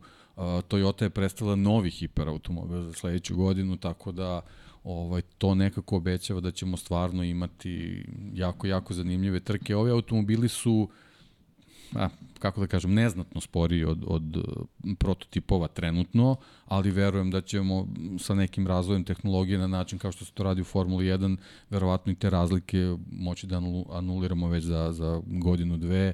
Uh, trenutna razlika čini mi se nekih 6, 7, 8 sekundi ovaj, u korist uh, prototipova, toliko su, toliko su bili brži, gledamo u odnosu na, na, na rekorde staze. Ovaj, ali generalno mislim da, da, da nema šta ovim automobilima se zameri, zameri. Ja se samo nadam da će svi biti što pouzdani i da imamo što, što zanimljivije trke kroz, kroz 24 sata i ono što mi je generalno ovaj, dodatno zanimljivo je što, što ovi hiperautomobili vezano za neke za neke ovaj automobile koji nisu u samom u samom vrhu prilično su blizu LMP2 automobilima koji su i dalje u konkurenciji koji su meni onako zbog nekako svog tog tog rustičnog izgleda i, i, i, i čitave te forme koje podsjeća na neke, neke tradicionalne automilu u Le Manu i dalje onako meni, meni favoriti i stvarno bih volao da, da se i ove godine neki LMP2 automobili umešaju ovaj, u, u borbu čak i za, i za pobedu u generalnom plasmanu, mada sad je to već malo teže, pošto stvarno mnogo hiperautomobila ima i stvarno je malo verotnoća da će baš svi ovaj, da, da otkažu ili da se, da se nešto desi pa da je LMP2 automobil ovaj, pobedi, ali generalno zbog te male razlike ovaj, u vremenu kruga, oni su nešto na 6, 7, 8 sekundi isto od, od hiperautomobila, ovaj, nešto obećava da, da, da ćemo imati u nekom trenutku onako da moramo da malo, malo nemirno sedimo na stolici da vidimo u stvari šta se generalno dešava u toj kategoriji. Imaš nekog koga bi istakao iz LMP2 klase kao potencijalnog pobednika, kao ja ne znam. Pa ja, da, generalno Antonio Felix da Costa, on je meni uvek ovaj, favorit gde god, u kojoj god se ekipe nalazi, naravno Robert Kubica, ovaj, isto u kom god je timu, volao bi da, da, da nešto više uradi u toj kategoriji. E, slušaj, ovo je LMP2 kategorija, dakle samo da napomenem, LMP2 kategorija, čitam imena nekih od vozača, Juan Manuel Correa, ko prati Formulu 2 može da vidi Koreu. Dakle, da, momak kome stvarno treba skinuti kapu posle onog teškog udesa u Spa kad je život izgubio Antoine Iber. Jeste. Juan Manuel Correa je vozač koji u stvari udario Iberov automobil, ima teške, teške povrede nogu, dugo, dugo, dugo je trajao oporavak, međutim njegova posvećenost i volja bila neverovatna Jeste. i vidimo da se vratio u jednosede i sad na trku Le Manu, stvarno, stvarno svaka čast. Koreja je jedna od tih inspirativnih priča, kao Kubica, a lepo ga je videti, nije na onom nivou koji bi možda imao, ali bez obzira i dalje to fenomenalno, a to je prvo ime na spisku. E sad, ajmo ovako ska, skakutoći malo. Rene Rast je tu prisutan. Dakle, Tom Blom, Pietro Fittipaldi, Robin Frinz, e, dakle, evo, na, na, obraću nekoga tek tako, Guido van der Garde, dakle, mi govorimo Robert Kubica, Louis Deletraz, govorimo o ozbiljnim vozačima koji su na 24 časa da, na Da, imaju veliko iskustvo već sa tim trkama izdržljivosti. I, I ono što je fascinantno, pričamo o LMP2 klasi. Mi čak ne pričamo o, o, o, o, o hiperautomobilima gde je, na primjer, Sebastian Buemi, gde je Da Costa. Dobro, Antonio Fuoco, ajmo da spomenemo, Ferrari, e, Ferrari došao 499P, da, da, da. ozbiljno Sebastian izgleda. Sebastian Bourdais tu Da, do ozbiljna grupa vozača, Andre Lotterer. Se, Sebastian, da. koji je rođen inače da, gde? inače. U Lemanu. Da, da. Kada se rodi u Lemanu, gde se trkaš? Pa, bi se trkao u Lemanu. Da, to je to isto zanimljiva priča. Imamo, imamo ljude koji su tu rođeni. Ali, e, napomenut ćemo, ajde, istaći ćemo naravno hiperautomobile. I ima tu par stvari, imamo i kontroverzu pre nego što je trka i počela. Evo samo da vidim ko, ko je baš spomenuo kontroverzu. E, Ivan Vojsinović, hvala za donaciju 500 dinara donirao, kaže da nije malo nepravedno što je balast uveden pre Lemana, iako trebalo posle. Mene deluje da se trka namešta da ne, da ne pobedi Toyota. Ipak i ovde se pita mafija. Ok, ne bih išao tako daleko, ali činjenice da je prema pravilniku svetskog šampionata izdržljivosti trebalo da se hendikep, to je da se balast menja zapravo po završetku trke u Lemanu. Međutim, organizatori ACO, jel te čuveni autoklub Zapada i Međunarodna automobilska federacija su uh, rešili FIA da to urade pre nego što je počeo Le Mans. E sad, šta, se to, šta to zapravo konkretno znači? dodatnu težinu koju su dobili fabrički timovi u hiperautomobilima je nešto što svakako je hendikep. E sad, koji je hendikep? Dakle, Toyota je dobila 37 dodatnih kilograma, a Ferrari je dobio 24, Cadillac je dobio 11, Porsche je dobio 3 ono što je negde kompenzacija za to je zapravo što mogu da koriste veću količinu energije iz svojih hibridnih pogona kao kompenzaciju za dodatnu težinu. E sad, na koga ne utiče ovo? Na Glickenhaus i Bajkolt. Dakle, mi govorimo o tome da, da, da, da oni timovi koji nemaju hibridne modele, jer da napomenemo, većinom su hibridi, ali imate meni, meni Glickenhaus mnogo simpatičan zbog toga što je to ja, atmosferski motor, dakle, isto je važno za Bajkolc. Dakle, mi govorimo o, o tome da je to neki arhaični zapravo motor koji se tu pojavljuje sa sve sa svojim zvukom, jel te tim nekim klasičnim automobilskim za nas malo starije, protiv hibrida, ljutih hibrida koji su vrhunski domet pa, moderne tehnologije. Da obrtni moment i tako da. dalje. Ali opet ti znaš, gledaš taj Glickenhaus i kažeš ok, dobro ne, uživo, uživo gledati izlazak na startni pravac posle onih par šikana kad izlaze automobili koji imaju te hibridne pogone stvarno izgleda neverovatno. Kako, samo ovako, samo da, klizi. Da, da, da, da. Zaista neverovatno. Posledno što okolo uvijek imaš poređenje sa nekim, čak i GT automobili se nađu tu i onda to stvarno izgleda kao da stoje. Stvarno je, stvarno neverovatno. Uh, Srki, imaš pitanje za segment ovogodišnjoj trci, samo da vidim šta je pitanje. E, dakle, nisam video godine, sam odgledao malo manje, e, da, ovde odgledao sam malo manje 20 sati i nisam izdržao. Da, da Kosto vozi haj, e, da, da, hiperkar, da, da, da. Hiperkar, da. A, pitanje nisam, da nisam lepo složio rečenicu. Da, da, da, red zvučalo je kao da smo ga preselili u LP2. Ne, da. ali znam da si Kubicu spominjao u nekim jest. internim razgovorima jeste, jeste, da, baš da ti je bio... Baš bih volao, da ne, ne znam, ja bih, vi si zamisli sad Kubica posle svega što se desilo i kaže, ej ljudi, ali okej, okay, vi se takmičite u Formula 1, ali ja sam pobedio na 24 časa Le Mans. U LMP2 kategoriji. to bi bilo fenomenalno. Naravno, teško da će se desiti, ali ok, imamo neku postoje, priču koju pratimo. Postoje, ovaj, mali, mali procenti postoje, posebno upravo zbog toga što si rekao, ove te neke srceparajuće priče gde stvarno bukvalno moraš da, da nema slavlja dok, dok ne pređeš liniju cilja. E, kada pričamo inače o Lemanu, napomenuo bih e, još par stvari. Ajmo da se dotaknemo samo ove godine i kategorije. Dakle, LMDH, to je Le Mans Daytona zapravo, a LMH je Le Mans Hypercar. Dakle, zašto Daytona? Pa, spajanje sa IMSom, pa potreba da se spoje, da se ne spajanje, nego da možeš da učestvuješ na takmičenjima koje su ranije bila razdvojena, to je to, Dobar potes. spajanje, odličan potes. Da. Jer, jer mi sad odjednom pratimo i Daytonu sa drugim da. interesovanjem, prat, svi zajedno prate Le Mans, pa prate Le Mans, da ne govorimo dobili smo Penske u Le Mansu sa, sa Porsche-ima, dobili smo Cadillac, to je stvarno ovaj, odlična stvar za, za trkanje i u Evropi i u Americi. Vratio se Ferrari i još ko nam nedostaje? Čika Ford. Dakle, a da. Ford se vraća sa, u saradnji sa Red Bull Racingom, pri čemu Red Bull koji planira svoj hypercar, pošto da. su to ne... Ne, sad nabacujemo sve živo, ali recimo danas je Ford predstavio Mustang GT3, pošto sledeće godine ćemo imati GT3 kategoriju na, na Le Mansu, GTE ili već kako, se, kako će se zvati. U svakom slučaju ti GT3 automobili koji se već širom, širom sveta takmiče, ovaj, sledeće godine će biti i, i na Le Mansu, tako da ovaj, širit će se broj marki koji će se pojavljivati tamo.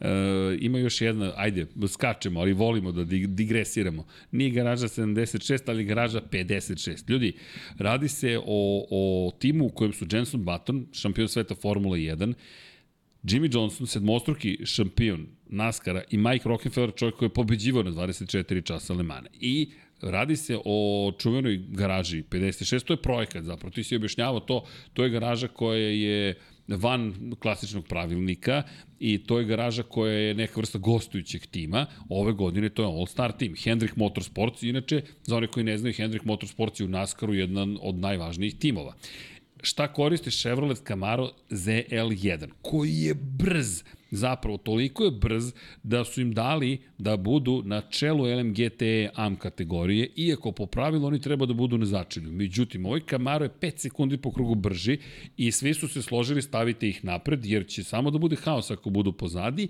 i oni će zapravo biti bliži LMP2 kategoriji. Tako da nije samo da LMP2 juri LMP, to jest ne LMP, nego Hypercars, već i njih neko juri ovaj Camaro. E sad, neko lepo rekao, brz je, ali može li on da stigne do, do kraja, do, da, do ono što ne da, znam? Da, i to i bile su već, već neke modifikacije su rađene, posebno vezano za kočnice i pošto to je bila, bila, bila ozbiljna briga kad su uživo videli na stazi LMP2 kad nabode kočnicu, on, on se momentalno zaustavlja, a Camaro to baš malo teže Nešto radi. mu ne ide. Nešto mu ne ide, tako da tu su bile ove modifikacije, dobije, dobije snažnije kočnice, ne mogu setim, ima tu još nekih prepravki, tako da nije to baš NASCAR automobil, ali, ali osnova jeste i, i svi koji su tamo ovaj, uživo, kaže, kad, kad on izađe na stazu, to je to je spektakl potpuni.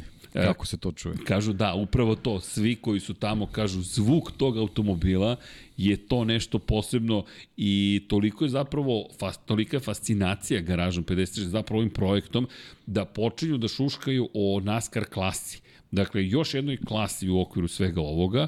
Inače, neko je pitao za, za klase. Ljudi, oni su isto vreme na stazi. Dakle, kada govorimo o trkanju, vi se trkate sa svima, sa elementima, sa stazom, sa izdržljivošću, sa pregrevanjem, sa svojim klubskim kolegama, sa tim dalje neko pogrešio, pa vi sad morate da nadoknadite. Vi se borite protiv s, Ma, svakog. Poenta je što se boriš sam sa sobom i to je u stvari i i ta prava poenta priče da tu jednostavno zbog toga ne treba ni da bude nekih spektakulnih ograničenja ko sve, ko sve sme da izađe na stazu. Poenta je samo da ako izađeš na stazu ne smeš da, da, da budeš opasan za druge. To je, to je poenta priče. Ako si dovoljno brz, naravno, naravno zašto da ne, zašto da ne. I kažem, taj LM GT3 klasa, recimo, ako se bude zvala sledeće da. godine, ako se to uvede, zašto, zašto se ne bi napravili neka, neka klasa za te automobile koje, koji podsjećaju na NASCAR ili, ili kako god, samo da budu, da budu dovoljno brzi i da budu ovaj, da ne budu preskupi, jednostavno da, da, da mogu, mogu, može što više ekipa da ih priušti i da mogu da, da ostvare svoj san da se pojave na Le Manu. Konačno Euroserija NASCAR je sve popularnija, vozila se i na grobniku, imate priliku dakle, da odete da, da ih vidite uživo. To je i NASCAR sam sebe menja komentarisanjem, prenošenjem NASCAR trka takođe se popularizuje sport. Ti ljudi, drugo, njihovi formati sa etapama, pa sad voziš po šljaci, to je voziš po blatu, pa voziš e, triovale, pa onda voziš e, zapravo kombinaciju klasičnih staza i ovala, dakle roval takozvani popularni, imaš speedway, imaš im svega to bih se ostavio kod njih.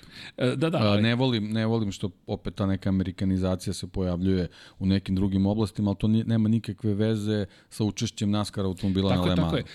Uh, Ostavite svoja, svoja pravila kod vas, a automobil slobodno dođe da se trka po našim pravilima. Uh, šta to hoću okay. da kažem? Da su oni takođe spremni na promene i da su odjednom interesantni i ne tražim da se to preseli u Le Mans, nego da se dozvoli da ti automobili dođu da se predstave, jer to je nekako ta poenta o, ej, čekaj, pa ovo nije loše, ajde da pratim trke, pa mogu da vidimo imaš neke svoje heroje, tako da ta garaža 56 će biti meni makar da. vrlo zanimljivo celo Pa evo, priča. spomenuo sam ovaj taj, taj uh, Toyotin hiperautomobil za, za sledeću godinu, to je u stvari koncept koji je uh, vezan za pogon na vodonik i iako gotovo identično izgleda kao ovaj hiper, hiper automobil koji je trenutno aktualan, vjerojatno ima, ima i tu neke, neke prepravke samim tim što ako, ako budemo pogon na vodonik i on ovaj, ističe kandidatura da se nađe u garaži 56 recimo sledeće godine. A svašta se nalazilo u toj garaži ranije stvarno. E, inače da pozdravimo Hasana Bratića, koji je prvi pisao, nisam video Hasane, zvuk i slika nisu sinhronizovani. Sad je super. Hvala Hasane, ali e, zaista hvala Hasanu na fotkama, jer čovjek je apsolutni car i genije. Neko mi to, što ga toliko hvališ? Zato što zaslužuješ, tako kako, kako ćemo hvalimo. Andrej, evo iz Orana Živko ćemo da hvalimo, nemojte da brinete. Ali... Je Zoki u Le Manu. E da, Zoki je u da. Le Manu. Zoki je svugde zapravo. Ali pozdrav za Zorana Živkova, veliki veliki pozdrav, zapratite ga, zapratite Hansana, zapratite Andreja, pomozite im za kako. Pratite ih na Instagramu, na društvenim mrežama, šerujte njihove fotke, potpisane kao story svoj i onda ljudi dođu kod njih pa ih vide i tako dalje i tako dalje. To pomaže, oni su ljudi koji se time bave profesionalno i koliko god gleda, pa to je fotografija. Ne, ne, ne, ne, ne.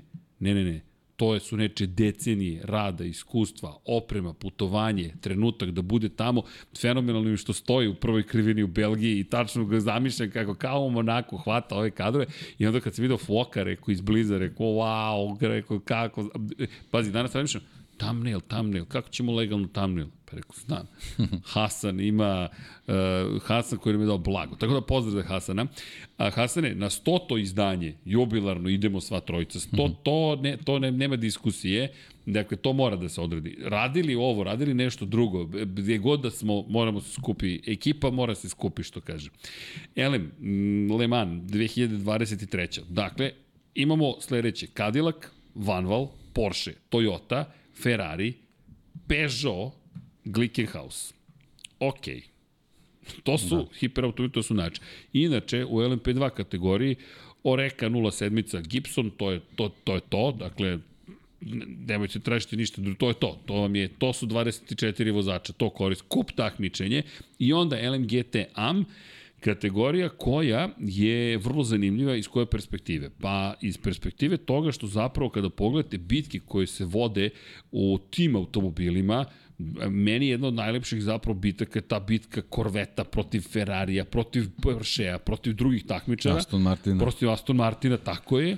I ti imaš zapravo trke u okviru trka koji uopšte nisu naivni, naprotiv, Korveta je preponosna na svoje uspehe na Dali na Daytoni, Dali na Lemanu, jednostavno to, to su, to, to su ta, ta mesta koje, na kojima želite da pobedite. Inače, sve ostalo se radi da biste pobedili na Lemanu zapravo.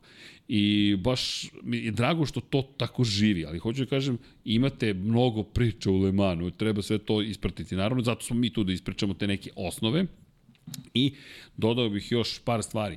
Apropo neću da kažem očekivanja, ali apropo Ferrarija, tu priču smo samo zagrebali.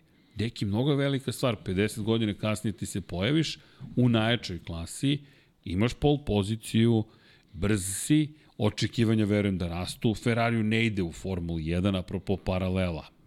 Gde, šta, kako, ne kažem da ću ugasiti sad Formula 1 svoj projekat, nego samo da ovo je takođe mnogo bitno za reputaciju Ferrarija ako, zamisli da pobede na 24 časa Lemana, pola, de, pola veka kasnije. Ne kažem da hoće, pa je, sam zamisli. još 24 sata da, da se vozi. Ovo, pa dobro, znaš kako, ne, neću sad ništa da govorim unapred, ali imaju oni mnogo pol pozicija u, u ovom, da kažemo, novom vremenu u, u, u prošle dve, tri sezone, dosta je pol pozicije tu bilo, ali nisu se, nisu se ove, mnoge pretvorile u pobede, tako da i ovo ne treba sa euforijom da, da se prihvata, jednostavno pokazuju da imaju kvalitet, imaju brzinu, ovaj, trebaju da, da, da strahuju, pošto Toyota je stvarno ove sezone pokazala da je automobil i dalje odličan, vrlo konkurentan. Kamui Kobayashi se borio za, čini mi se, petu uzastopnu pol poziciju, čime bi se izjednačio sa Jackie Mixom, koji odavno, odavno drži taj rekord, to nije uspeo da, da uradi, a u tom svom poslednjem krugu, iako je bio na gumama koje su onako već bile malo, malo potrošene, pa je posle te neke crvene zastave koje je bila, ovaj, kad su se kvalifikacije, kad se taj u stvari hiperpol nastavio, ovaj, nije, nije uspeo da, da, da, da, da ostvari bolje vreme, ali, ali je generalno ovaj bio, bio jako blizu, generalno su te razlike male, naravno na Lemanu zaista puno znači da osvojiš pol poziciju, a posle da li si drugi, peti ili sedmi, to, to njima već toliko nije ni bitno. Ta pol pozicija je jako važna, ali generalno za samu trku ne, ne znači nešto pretrano mnogo, osim što si u mogućnosti da ako sačuvaš tu svoju, tu svoju poziciju, da, da, da kasnije možeš da voziš tempo koji ti je potreban da bi, da bi sve te izmene i sve, sve, sve te planirane pit stopove uradio kako treba, ali mnogo, mnogo tu elemenata je uključeno da bi, da bi moglo da se, da se bilo šta ovaj, prognozira ili planira na osnovu pol pozicije. Ja, ja čak ni ne pričam o prognozi, već samo zamisli. Da, ne, mnogo samo je zamisli. lepo, prvo za njih je mnogo lepo što su tu i što su 1-2. Vidi. To je, to je to. To, ajde da. ovako, kada, ko je to mogao da zamisli? To su, to su stvari koje ljudi sanjaju, ali mislim da je to dodatni poziv da najbrogo, najmnogobrojnija armija navijača kaže čekaj, nema, nema za vikend Formula 1. Imam Le Mans i Ferrari na prvom i drugom mestu. Zar to nije prelepo baš iz perspektive toga i da kažeš čekaj, Le Mans sad dobije još više na važnosti uz ovu priču o Mustangu, uz priču o, o, o Naskaru, uz priču o, o, o hidrogenu, pazi, mi vodonik sad da spominjemo, Le Mans i ono što si ti u jednom momentu, ti si to dugo pričao, nismo tad radili Lab 76, Srki Formula 1 je u Le Mansu, jer su prototipi takvi bili da zaista si gledao tehnologije koje Formula 1 može da sanja u tom trenutku, da će uopšte da razmotri, kamoli da primeni u momentu kada Formula 1 sve ograničava, ljudi tamo u Le Mansu rade neki nevratne stvari. Pa ne, Le Mans je odavno bio ovaj, poligon za, za, za, za te inovacije, posebno zato što si imao trku gde za 24 sata stvarno možeš svašta da testiraš. Tako da, m, drago mi je što se to nastavlja, drago mi je što su ovaj, što, što, što druge kategorije i sam automobilizam, automobilska industrija možda se razvije toga šta se, šta se ovaj, dešava na Le Mansu, ali tu je sad samo ta, ta, ta, ta neka, neka sitna začkoljica vezana za Formulu 1 koja nam mora, mora ko, mora da da ovaj da napravi taj taj neki break da da ponovo postane perjanica da da ne budu druge kategorije te koji će ovaj rukovoditi razvojem samog autosporta to je ono što što možda nedostaje Formula 1 što se izgubilo u nekom trenutku ali ali ovaj, generalno što se tiče te neke popularizacije, mislim da, da je ovo dobar način kako to treba da se radi. Što se tiče uh, sportskih automobila, ujedinjavanje tih nekih homologacija i, i ovaj, uh, pružanje mogućnosti što većem broju ekipa i vozača da, da, da se ovaj nađu uh, u konkurentnim automobilima, automobilima i na vrhunskom nivou. E, apropo Formula 1, Formula 1, kao što si rekao, je tako je prati zapravo. I to je ono što je problem suštinski bio i, i cela ta priča zapravo je došla do, do, do toga da mi pri, ne pričamo više o Formula 1 kao takmičenju tehnologije, nego trkama timova i vozača. Što je super, to su velike zvezde, ali Formula 1 je po, mesto gde se prvi put premenio ABS, ne znam, na primjer. Da. Ili si uh, menjač koje Ferrari prvi uveo, taj poluautomatski menjač smo prvi put videli u Formuli 1. Ok, to je onda neko uzeo dalje razvijao. Dakle, to su stvari koje koje zapravo je trebalo bi da radi Formula 1 i to je nešto što je prestalo. Dakle, da postoji na neki način, ti sada pratiš ono što se već desilo u, ti, ne, ne znam, meni je bilo fenomenalno kad su dizeli bili u, čekaj, s čim ćemo da se tako, e, ajmo, krat, krat, kratak, da li je neko mogo da pomisli pre 100 godina, je, znaš, doći dizel i sad će da pokida sve rekorde ili da bude da, najbolji? Da, to su Audi i Peugeot su sa, sa svojim sa svojim verzijama stvarno ovaj pokazali da, da, da ovaj, dizel automobili mogu da, da budu automobili sa vrhunskim performansama. Tu se možda malo promenila neka percepcija vezana za te same, same ovaj, dizel agregate, ali generalno ovaj, uh, očigledno da je to bio samo neki prelazni period dok, dok čitava automobilska industrija u stvari nije shvatila šta je, šta je neophodno da bi se dobio taj neki taj neki obrtni moment koji, koji odskače te čitave priče vezano za, za benzinske motore, tako da ovaj, ova neka kombinacija s ovim hibridnim pogonima, što već sam i pričao što se mene tiče, mislim to, to mi onako i deluje kao, da kao neka dobitna kombinacija ovaj, je generalno i zaživela i to su stvari bilo da, da su stvari proizvođači to, to i prihvatili. A što se tiče tih dizela, oni su jednostavno uh, nekako iskorišteni da se pokaže kakav u stvari vrhunac može da bude te čitave tehnologije. Zamisli, kaže, ajde sada dvotaktni. Da. pa Iako... dobro, vidjet ćemo, da, vidjet ćemo gde, gde u stvari sve ovo može da odvedi, kako može da se, da se razvije, ali generalno i kroz te rezultate se vidi taj, taj ovaj, uh, razmak između prototipova i hiperautomobila priča o tome da ovde ima još mno, mnogo prilike za napredak i da je ovo stvari samo tek neki početak. Radujem se ovom početku, iskreno ti kažem. Baš se radujem, jer nekako davno nisam, volimo i ti Aleman, ali ova vrsta uzbuđenja nekako imam osjećaj kao da prisustujemo jednoj važnoj eri u svetu automotosporta. Nemam pojma koliko će još da traje uz celu elektrifikaciju i stvari koje nekako zatvaraju celo jedno poglavlje u automoto industriji za sada, mada mislim da će se to opet okrenuti na opačke, već se Pa, okreće. znaš kako, već se, već se vidi, znaš, ti sad imaš eto te neke hibridne pogone koje smo dobili u VRC-u. Nikako da se priključi još neki još neka fabrika celoj priči, to je jako skupa I već tehnologija. spomenju da neće ići dalje. Jako skupa tehnologija, videlo se za tu priču. Znači oni moraju da pronađu neki dobar koncept kao što su ovaj šampionati izdržljivosti pronašli sa, sa ovom čitavom pričom, jer ti u, kad pogledaš uh, kroz, kroz spisak brendova uh, koji se bave proizvodnjom super automobila, kad ti vidiš koliko postoji automobila koji su ovaj spremni da, da se nađu u, u klasi hiperautomobila, kažem, Alpina je danas predstavila automobil koji je najavljen za 2024. godinu, to je u stvari Renault. Tako da oni su već tu, Mercedes ima svoj Project One, mnogo, mnogo automobila je tu koji su sa, sa, sa malim modifikacijama spremni, Aston Martin, ovaj, jako malo modifikacija, oni su spremni za takmičenje. Ma ja, ti, ja sam siguran da će Red Bull Ford da se pojavi u jednom trenutku. Nema šanse, jer mislim da će i Njuj biti taj koji će reći, je čekaj, mi smo najavili, za one koji su zaboravili, RB-ov izgubljeni model, ovo je RB19. Prošle godine smo imali RB18. Imali smo RB16B, RB17 se nikada nije pojavio. RB17 je hiperautomobil koji Red Bull rešio da sprema pre nego što je saopštio da će započeti saradnju sa Fordom.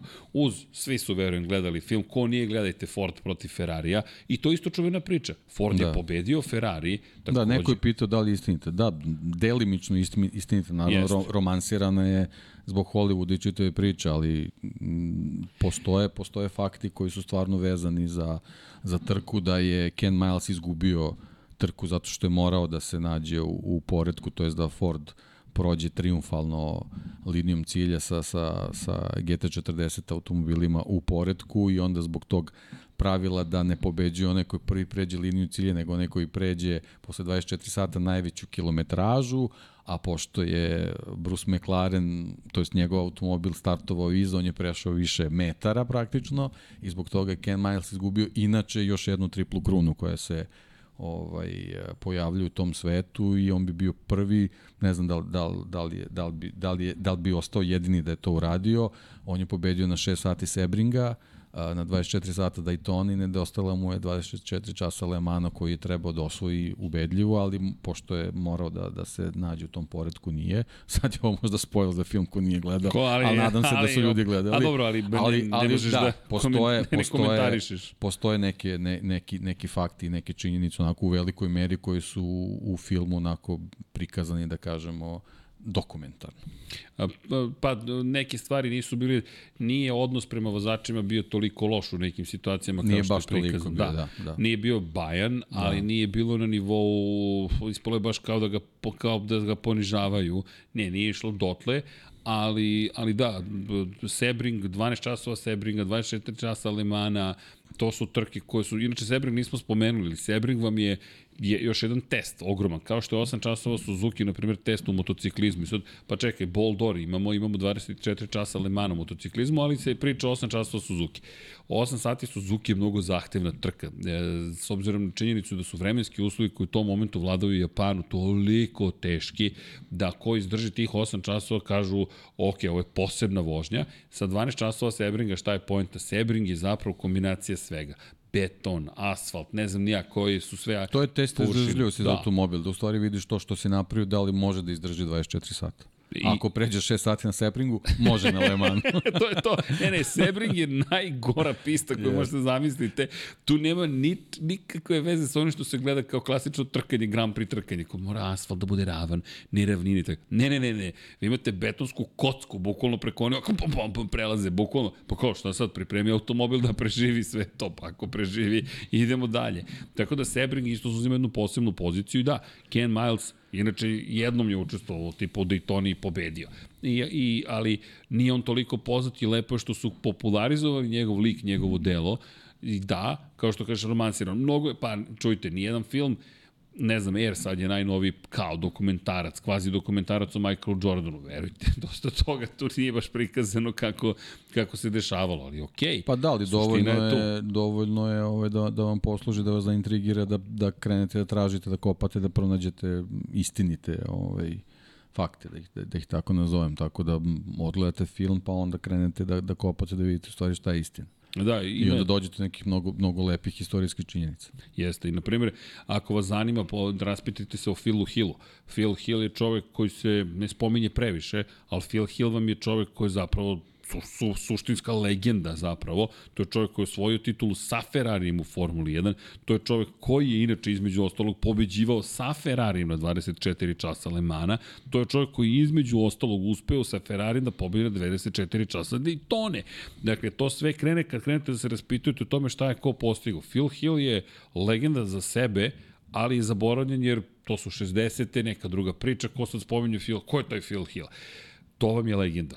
Ferrarija, pri čemu on se takmiči u Kobri, da, svašta da, su oni smo, vozili. mi smo imali sreće što smo dovoljno matori, pa smo u, u nekim našim mlađim danima učili u tim vozačima iz 60-ih koji nisu tako davno vozili za nas. Sad je tako to već je. onako daleka istorija, ali kažem, generalno ti filmovi trebaju da posluže da, da, da vas nešto zaintrigira, da, da probate da sami skopate, da pronađete malo više u tim vozačima. Inače, to je taj odnos ovaj, Uh, Forda prema vozačima delimično je iz nekih stvari izvučen zato što, na primer, Dan Gurney je 67 kad je pobedio u Fordu GT40 izmislio čuveno prskanje šampanjcem. Da. A to se desilo iz razloga što u Fordu nisu verovali da će on moći bilo šta da uradi i onda se uh, čitava klika menadžera Forda se našla ispred pobedničkog postolja, on je u tom trenutku odlučio kad je, kad je dobio bocu šampanjca, umesto da ga popije, odlučio da ih isprska.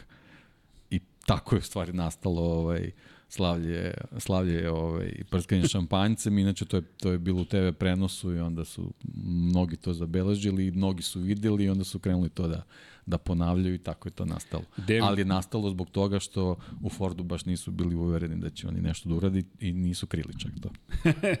ali, ali kako nastaju neke kultne stvari. Pa, da. da, ima još jedna stvar. Dan Gurney je izmislio takozvani Gurney flap ili ti Gurney zakrilce. Bukvalno se po njemu naziva. To je inače mala površina pod uglom od 90 stepeni koja se samo doda na zadnju površinu krila, na, obično ide na zadnje krilo, ali ne samo na zadnje, i toliko povećava zapravo negativni da. Uzgon, to jest nizgon da menja sve. A i kriv je što, što sve. krov GT40 nije potpuno ravan, nego ima izbučinu zato što nije mogao da, da, da se smesti u automobil, pa su morali jednostavno da naprave mesta za njegovu Bubble. glavu. Da, bubble. da. P51 da, Mustang. eto, razni vozači na razne načine doprinesu nečemu. Jeste, da. ali svakako pogledajte film, mnogo je lep film. Nama, meni je sve lepo, cenim i tebi čim ima benzina, čim ima tih priča.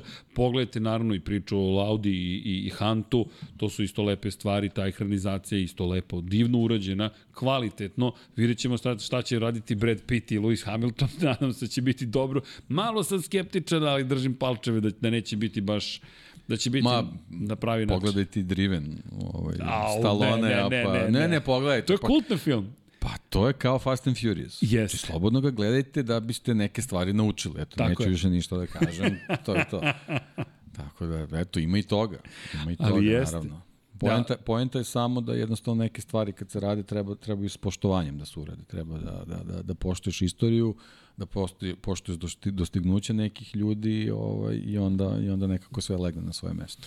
I naravno kad smo kod filmskih ostvarenja, naravno treba pogledati film sa Steveom McQueen, McQueenom, to je, to je u stvari kultni film koji je u nekom trenutku uh, trkama koje su već bile spektakularne za sve one koji vole ovaj, sportske automobile, ovaj, to je film koji je privukao ljude koji možda nisu ni bili u tom svetu, pa su zbog tog filma odlučili da, da, da, da, da se uključu u priču. E, bukvalno je možda to i neki, neka pra osnova za veliki broj filmova koji su kasnije usledili. Steve McQueen kao legenda sam po sebi, jednostavno to je film iz 1971. godine, dobra godina, Dakle, to je godina u kojoj, eto, dobili smo jedan film koji je kasnije poslužio zaista mnogima i za, hajde da kažemo, da je posluži kao osnova za filmove koji su kasnije došli, zaista.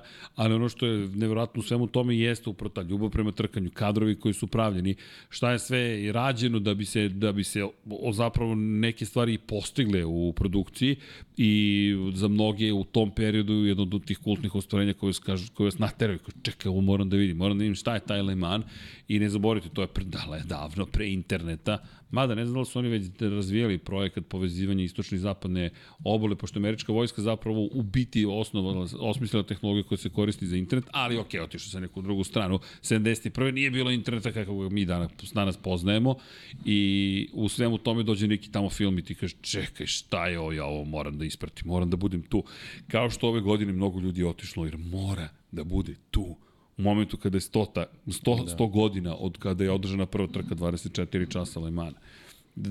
Fenomenalno, zaista fenomenalna stvar. Da, film, film koji je onako polu, polu dokument, u stvari više od Pola, više, nego, više od pola, više da. nego polu dokumentaran, da, da, da, da. pokazuje taj, taj neki život trkača na, na Le Manu i suočavanje sa nesrećama i, i stresom vezano za rezultat i tako dalje i tako dalje i, i, i tu se pojavljuje isto ovaj, taj, ta, to neko rivalstvo ovaj, ponovo s nekim italijanima, ponovo s nekim Ferrarijima, taj Ferrari nekako je svima bio ovaj, e, s jedne strane trnu u oku, a s druge strane svi su želeli da ga dostignu, da, da, da probaju, da, da, da shvate zašto taj, taj brend ima takav, takav kult koji nije, nije dobijen samo zbog pobjede, nego nešto drugo je postojalo u tim crvenim automobilima i svi su to pokušavali ovaj, da, da, da dostignu, eto, kroz te američke filmove se provlače ovaj, stalno ti neki dueli sa, sa vozačima Ferrari i naravno Steve McQueen, King of Cool i, i njegova čuvena izjava vezana za trkanje, tako da to je, to je nešto što, što je onako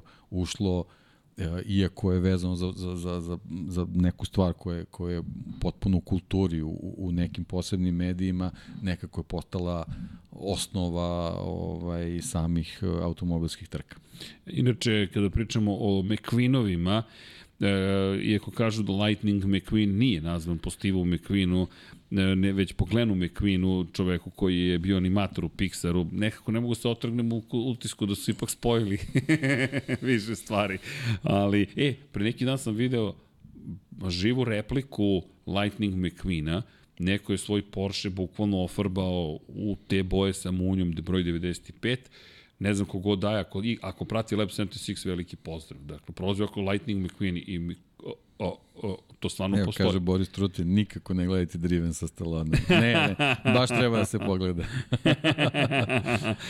ja, to je edukativnog karaktera. Tako Driven, je. ako, evo, čak to neću da vam spojlujem, zato što to ne sme da se spojluje, zato što to morate da odgledate, ali priđi... I da pristup... budete šokirani. Tako je, pristupiti tom filmom s jednom tačkom istraživačkom, ajde tako da kažemo, i, i uživajte. A, gde može da se gleda svih 24 časa Lemana na Eurosportu, Eurosport sigurno i kažem Radio Le Mans, slušajte Radio Le Mans.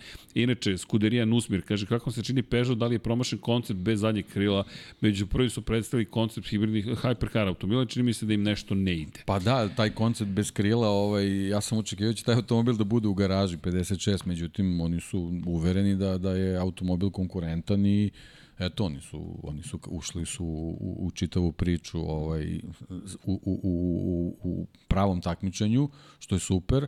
Ovaj, imali su juče taj jedan peh, ovaj automobil se ugasio, sad su te neke dečje bolesti tu vezano za, za Le Mans oči, očigledno pojavljuju, ali ne verujem da bi oni, oni tek tako ušli ovaj, u čitavu priču, posebno zato što, što imaju tu, tu pobedničku prošlost ovaj, na Le Mansu, da nisu sigurni da, da mogu kroz razvoj da dođu do, do neke konkurentnije forme. Sad trenutno nisu na, na, na ovoj vrhunskom nivou, ali ih ne treba otpisivati. Jednostavno treba verovati u taj koncept ako, ako oni već veruju. Nema mi ništa od toga spektakularno. Pa ajmo ovako, da. deki. Ako ćemo da pogledamo, izvini, taj 917 Porsche, taj legendarni, nije baš imao spoiler A, pozadi. Znaš ko meni pada na pamet? Aj pogodi koji mi je automobil odmah u glavi. Odmah u glavi, ako pričamo o konceptima. Vezano za, za, za za pozadi. Ne, ne, pa i da, između ostalog i za to. Da li pa, možeš da se setiš? Tebi? Da. Pa ne. A, pa ne. a Carlos Gon je ti poznat. Dobro. A, Delta, Delta Wing. Wing. Delta Wing, Delta da, da, Wing, pa dobro, Nissanov da, Delta da, Wing. Da, Meni da. je to bio fenomenalan projekat. Ako ne, niste videli, potražite Nissan Delta Wing. To je automobil koji je zaista bio specifičan. Ja mislim da je to moglo da uspe. Dakle, čudan, specifičan, e, nije postigao to što su želeli ili možda jeste, ne znam. Ali ja sam bio oduševljen Delta Wingom, moram ti priznam. Pa dobro, znaš kako, on je, on je možda poslužio kao koncept, čiji su se neki elementi, neka saznanja kasnije našli u nekim drugim automobilima, mi to možda i ne znamo, tako da to je možda ovaj, obavio svoj zadatak.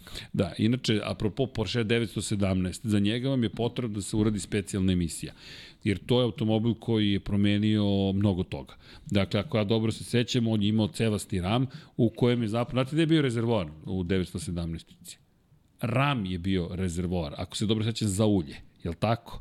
Ja mislim da su, hidro, da su ulje zapravo stavili, rezervoar za ulje bio, ako se dobro sećam, u cevima i to je specifičan jedan model, prelep model. Kada gledate McLaren, kada se hvali nekim lepim bojama i tako dalje i nekim sponzorima, Golf kada se spominje, to je 917. Tako Makar je. meni to prva je. stvar koja pada na pamet. I nešto što mislim kada već spominjem... Rednih 12 cilindara. da, ba vidi, pa pan. E, ali tačno mi se nadovezuje. Sad, znaš šta mi pada na pamet? Da li je kada pričamo o nekim tim kultnim pobedama i ostvarenjima. Na spisku pobednika 1995. se meni baš izdvaja, s obzirom na činjenicu da je McLaren F1 GTR BMW. Zašto BMW? Zato što je McLaren koristio 12-cilindrični motor BMW, činjenica u V rasporedu. Gordon Murray je dizajnirao taj, taj automobil. Mene podsjeća sada kada razmislim McLaren zapravo na 917-icu, kada pogledaš poziciju vozača i tako dalje. Ok, inače, McLaren F1 koji je imao centralnu poziciju, seća se reči Miloševih, Miloša Pavlovića, koji je rekao, ljudi, kada vi izjednose da pređete u sportski automobil, prvo, da se razumemo, vi ste u jednosedu pozicionirali centralno. Vi u autom, sportskom automobilu sedite ili levo ili desno. Dakle, ne sedite na sredini automobila, vozila. To je menja tu percepciju kompletnu, koliko god to izgledalo kao sitnica, nije. E, McLaren F1, GTR, BMW, da izgovorimo celosti, gde je pozicija za vozača? Tu. Pa sad ako iko ikada bude vozio, su vozači su vam levo i desno zapravo. I to je jedan prelep automobil, vrlo malo elektronike, ako uopšte možemo da kažemo da ima elektroniku, pobedio je 1995. u generalnom plasmanu. Dakle, mi pričamo u tom momentu o automobilu koji je neki pravljen da se vozi na ulici, bukvalno, i ti sad si stvorio takvo remek delo da ti ga modifikuješ za trke sportskih automobila dođeš i pobediš na 24 časa Lemana. Ne postoji veća potvrda od toga. Dakle, bukvalno ne postoji i zato je McLaren s ponosom kada vidite u, u Monaku ili, na primjer, sada u Barceloni, pošto nisu imali vremena da prefarbaju McLaren, dođe i kaže crni prednji kraj je u čast McLarena F1 GTR, to on govori o tome. I McLaren zaista zaslužuje ogromne pohvale za to što je učinio, jer je to prosto fenomenalno. Vi ste, oni su ljudi stvorili automobil koji je sportski automobil sportskih automobila. Možda je on čak neki smatraju da je on možda Ne, nije, nije on, nije, nije. NSX je zapravo promenio sportske automobile. Ako pogledaš, to je ono što si ti pričao od, od automobila koji je pravljen, italijani koji prave automobile za koje ti treba tim Formula 1 da ih održavaju, onda dođu praktični Japanci i kažu čekaj, ovo treba se vozi. Evo vam NSX. Je. A ko je razvijao NSX? Jedan jedini Ayrton Senna.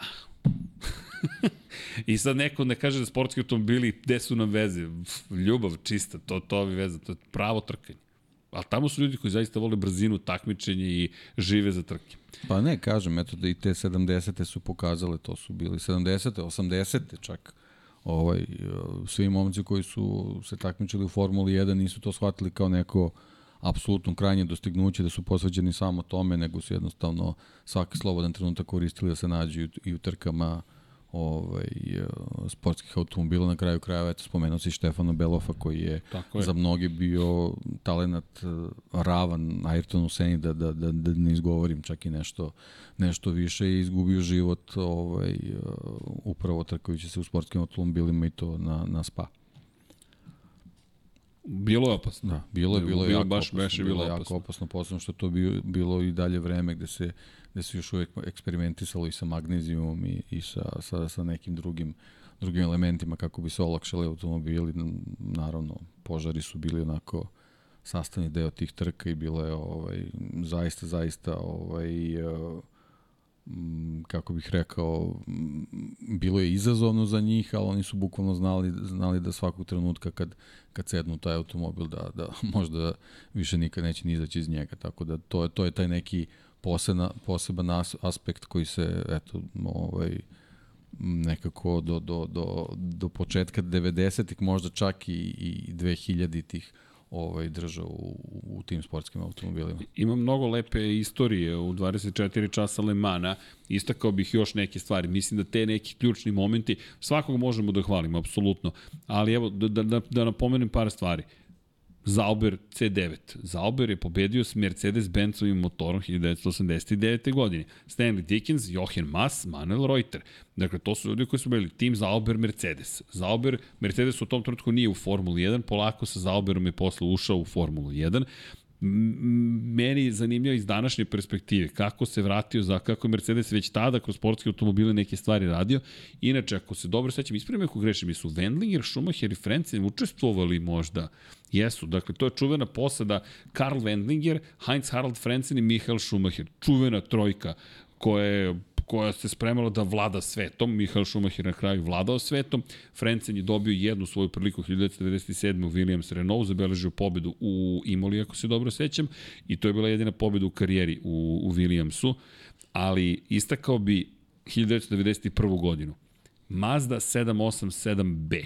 Po čemu je specifična ta pobeda? po tome što su koristili zapravo rotacijani vankel motor. Vankel motor. Da, da. I, I to je potpuno neverovatna priča gde je to poslednje takmičenje sa Vankelovim motorom. Oni su uspeli u jednom šarenom, šarenišu od Mazde zapravo da slave, a to je bila fenomenalna priča i oni su išli na, na, na, na, na izdržljivost, išli su na to da će preživeti duže od ostalih, a to je to. Ne moraš da budeš najbrži, možeš da budeš prosto najizdržljiviji, ali generalno taj cijel projekat je mnogo bio zanimljiv i Mazda 787B se i dan danas pamti upravo po tome. Inače, Johnny Herbert je bio od poznatijih vozača iz Formule 1 u tom timu sa Bertrandom Gachom, koji je čuven po čemu? Tako što je vozio 7 Up Jordan Grand Prix 1991. I pod... Te iste godine, da. Da, i rešio da se malo potuče u Londonu sa taksistom, što ga je odvelo u zatvor, a njegovu poziciju u Jordanu za veliku nagradu Belgije preuzeo stanoviti Mihael Schumacher, koji je lagao da je vozio spa, vozio je biciklom, dobio šansu, bio šesti u kvalifikacijama i ostalo je, što kažu, istorija, po čemu je još poznata taj moment, po onome što, naša draga koleginica Irena često spomenje, to je klub Pirana koji se tada formirao. Te noći u Belgiji kada su došli i rekli, Mihael, dovešćemo advokate, tvoj ugovor sa Jordanom nije validan.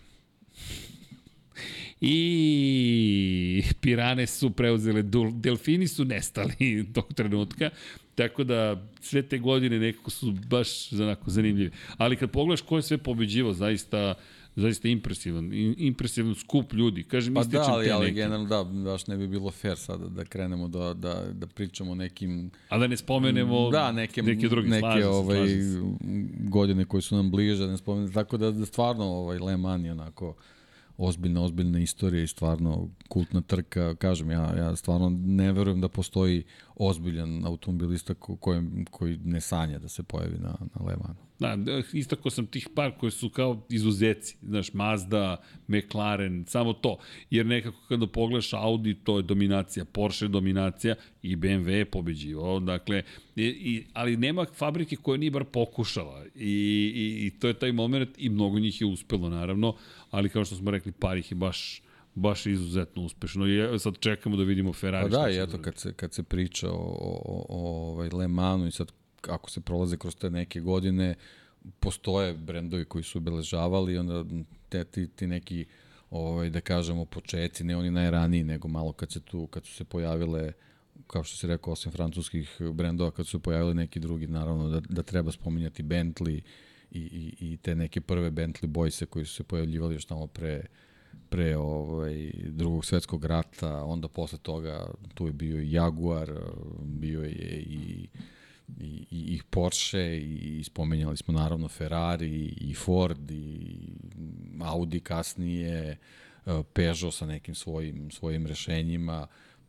svako se pojavljivo u nekoj, u, u, u, u nekoj eri, koristio je neke, neke promene tehničkih propisa, ovaj, dolazio s nekim inovativnim rešenjem, recimo Jaguar je sa tim D-Type-om bio, bio prilično hendikepiran odnosno na neke, neke moćne motori, imao je, imao je mnogo slabije agregat, ali je stigao sa, sa kočenim diskovima, koji su kasnije promenili promenili čitavu, čitav sve, čitavu priču, onda je Ford, to se, to se vidi u filmu, recimo Ferrari protiv Ford, ili kako se već zove taj film, ovaj, da je, da je, aha, Nešto se ovde desilo. Još jedan ja. Još jedan ti. ovaj, uh, da, je, da je Ford došao s inovacijom uh, brze izmene kočenih diskova, zbog čega je istekao veliku prednost i tako dalje i tako dalje. Svako je dolazio s nekim inovacijama koji u, u, u prvom momentu onako obilato koristio da, da, da stekne veliku prednost i zabeleži neke pobede, onda su drugi pokušavali da ih da ih dostignu, tako da, da ne bi bilo pravedno sada da nekog da izdvojimo, okay, da nekog okay. ističemo i da, da odvojimo neko, neko posebno vreme, ovaj, da a, a, da, a da ne pričamo nekim drugim. Da pobedili samo jednom. tako je, tako je, tako da, da, da stvarno su, ovaj, Pošteno. stvarno su te trke ovaj, ono svaka je spektakularna na svoj način, svaka istorijska na svoj način, ovaj, ali generalno uz, uz tu, taj neki ozbiljen takmičarski naboj, Le Mans i generalno te trke izdržljivosti su značajne po tome što stvarno u mnogome menjaju automobilsku industriju. Da, moram ti priznati da sad kada smo pr prošli kroz te neke stvari pomisliš, čekaj, samo jedna pobjeda za BMW ili a onda pogledaš Audi, pogledaš Porsche, pa pogledaš Bentley u krajnjem slučaju, pogledaš Bentley koji ima šest pobjeda ovde, Jaguar koji ima sedam. To su zaista neka imena koja, a čekaj, stani, nismo ih spomenuli, a moraš da ih spomeneš, da. ali da stanemo, lepo si da, rekao. Jaguar, ono čuveno, Sil, Silkat. Tako je, Silkat. Reklamama, sad, mislim, stvarno, to sve nešto onako ti ostane, pojavljaju se neki fleševi i, i, i, i ja, ja imao sam i tu sreću i zadovoljstvo sam bio na na Goodwoodu, na tom festivalu brzine gde se pojavljaju svi ti automobili, ti uđeš kao da si ušao u neku fabriku, slad, u ovaj, prodavnicu slatkiša, znači to je na svakom, na svakom koraku su, su neki kultni automobili i svaki od njih je kultan. Znači koji god pogledaš, shvatiš da, da je on bio deo neke istorije, da je, da je bio značajan na ovaj ili onaj način, bez obzira da li je pobedio, nije pobedio, onda se pojave na stazi, čuješ taj zvuk, mislim, to je stvarno nešto što je, što je fenomenalno. Evo i da odgovorim na pitanje da li je Niko Hulkenberg pobedio 2015. Jeste sa Porscheom 919 hibrid tim spomenutim koji drži rekord u Nürburgringu. E, inače, I onda da, su ljudi setili da postoji Da postoji Niko Hulkenberg, da, da, da. I to je bilo zanimljivo kada je došao sa letnje pauze kao, e, Niko, ti si pobednik 24 časa Lemana. Pa, šta da vam kažem.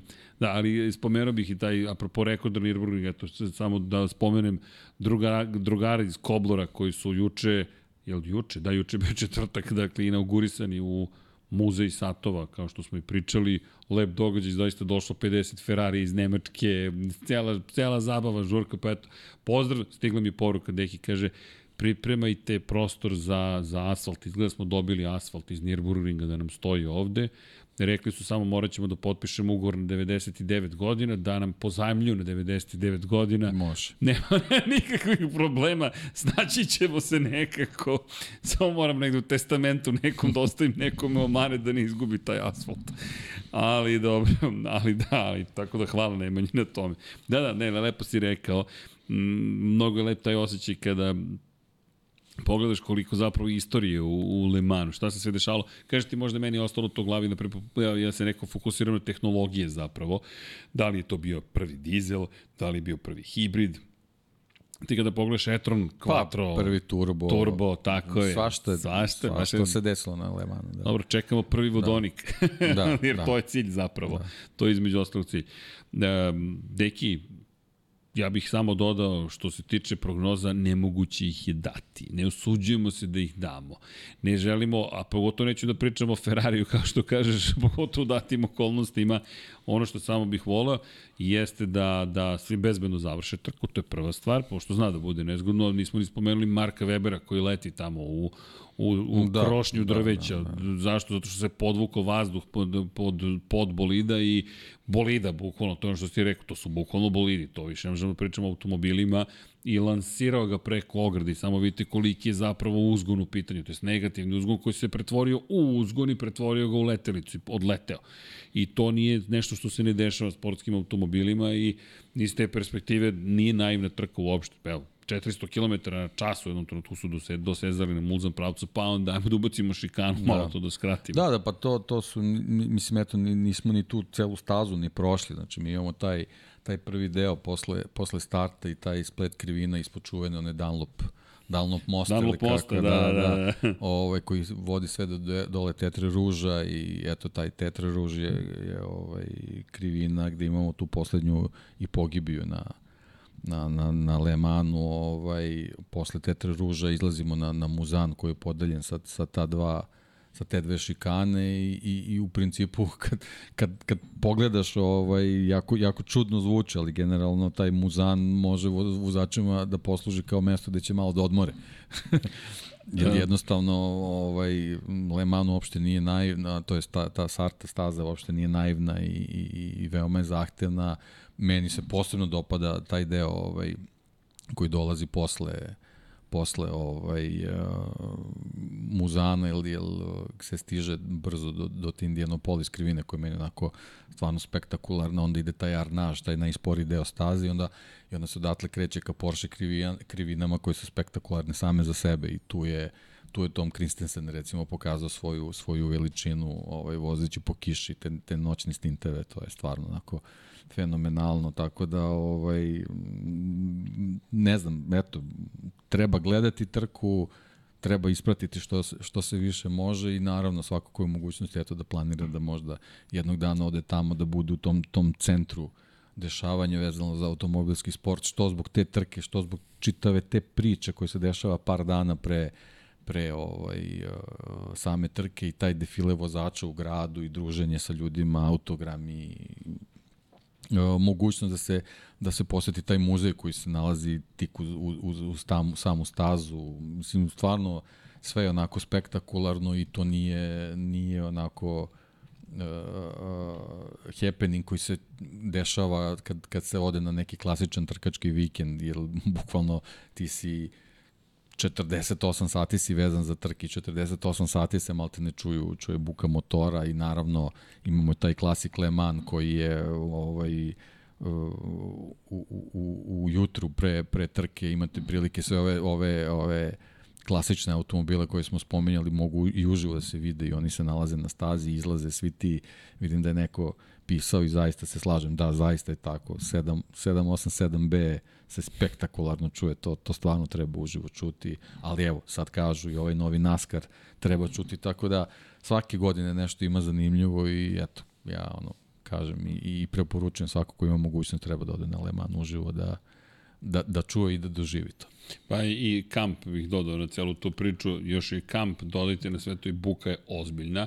Inače, kada je reč o motociklistima, reputacija nije najbolja, s obzirom na činjenicu da kada je velika nagrada Francuske, su znali da odu u grad i prave haos. I onda su im rekli od sad koncerti kod staze da ne bi pravili haos po gradu. Ali grad nije zaista tako daleko i ono što je zanimljivo zapravo imate taj jedan komercijalno-industrijski deo pokraj pravca Mulzan, gde odete i ne znam, kupujete drvnu gradnju dok, dok kada nema trke i tu živite i onda se to pretvori od najlepših i najbržih staza na svetu. Deki, ja bih sta, Ćemo prognoze, stao. ne smemo. Da, ajde, a ja Ne sve hoću da kažem, ali Da, se ne da, da, usuđujem, da. ne znam da li će publika da mi... Ajmo, ajmo se igramo, ajmo, što da se ne igramo? Ajde. Pa ne znam, ja ovaj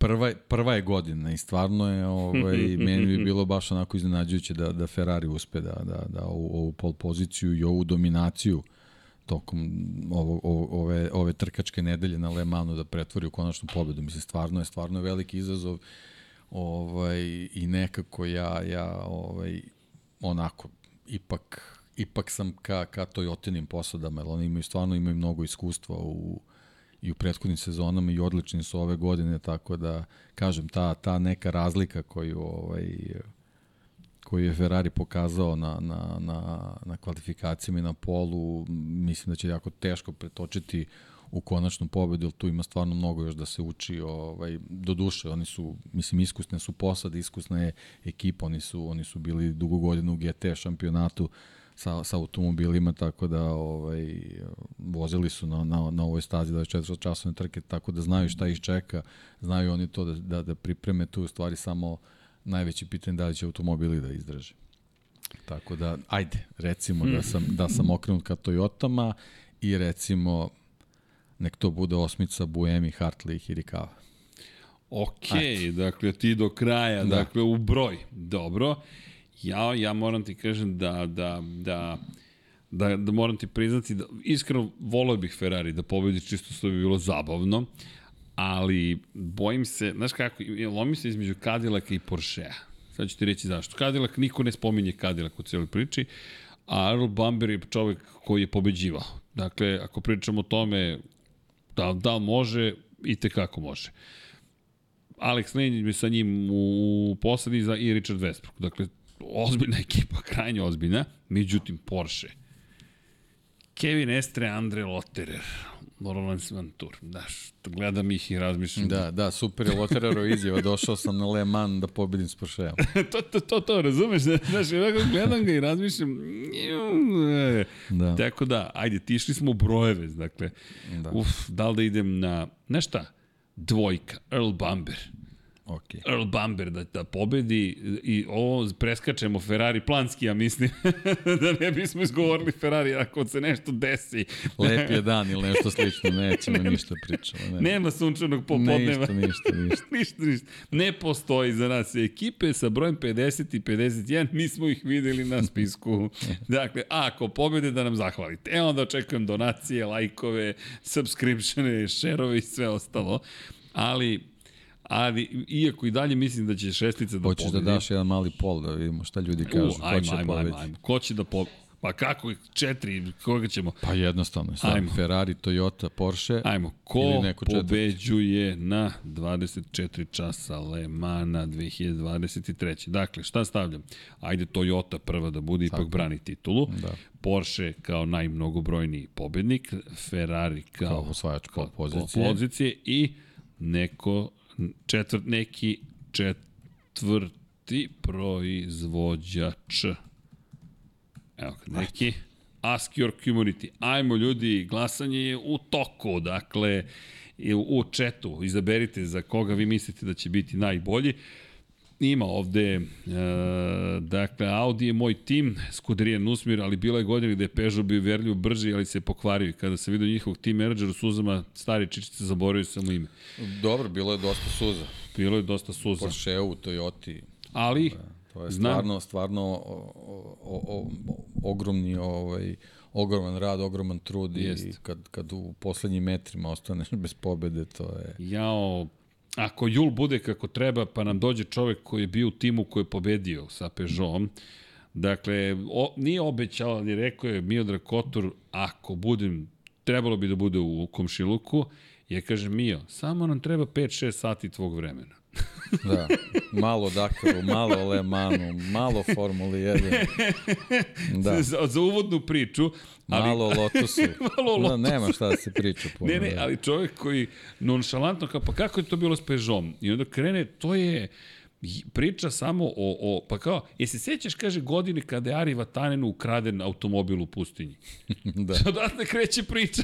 Čekaj, ukrali su ceo, da. ceo automobil. Nema ga. Nema ga.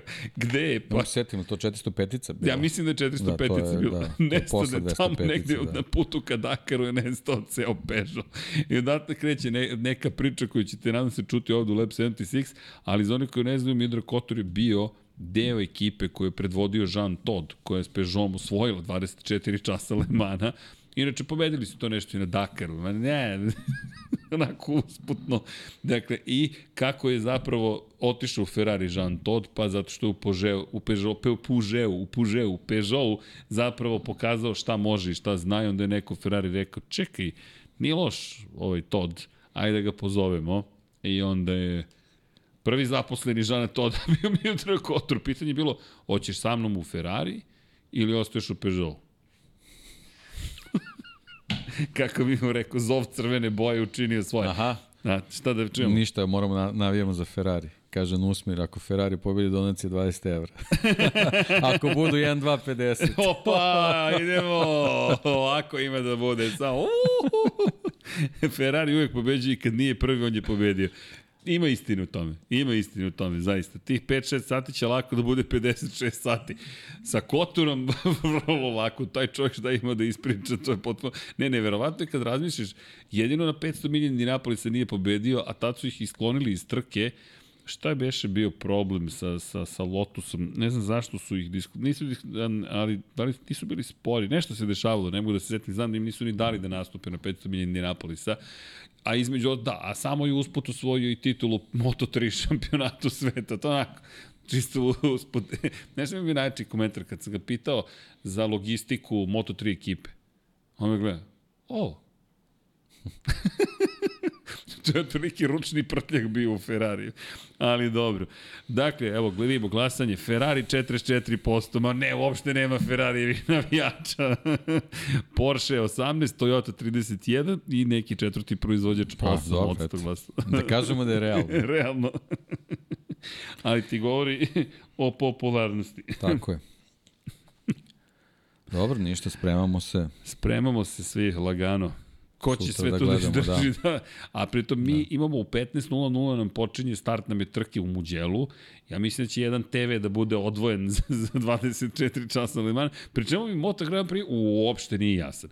Dakle, oni pomeri trku u Barceloni da ne bi bili 7 dana pre trke u Barceloni Formula 1 naprave pauzu od četiri nedelje i onda zakažu Mugello za dan kada je 100. godina 24 časa Ništa je to, što Ferrari prvi put nastupa posle 50 godina. posle 50 godina nastupa prvi put i ima prvu i drugu startnu poziciju.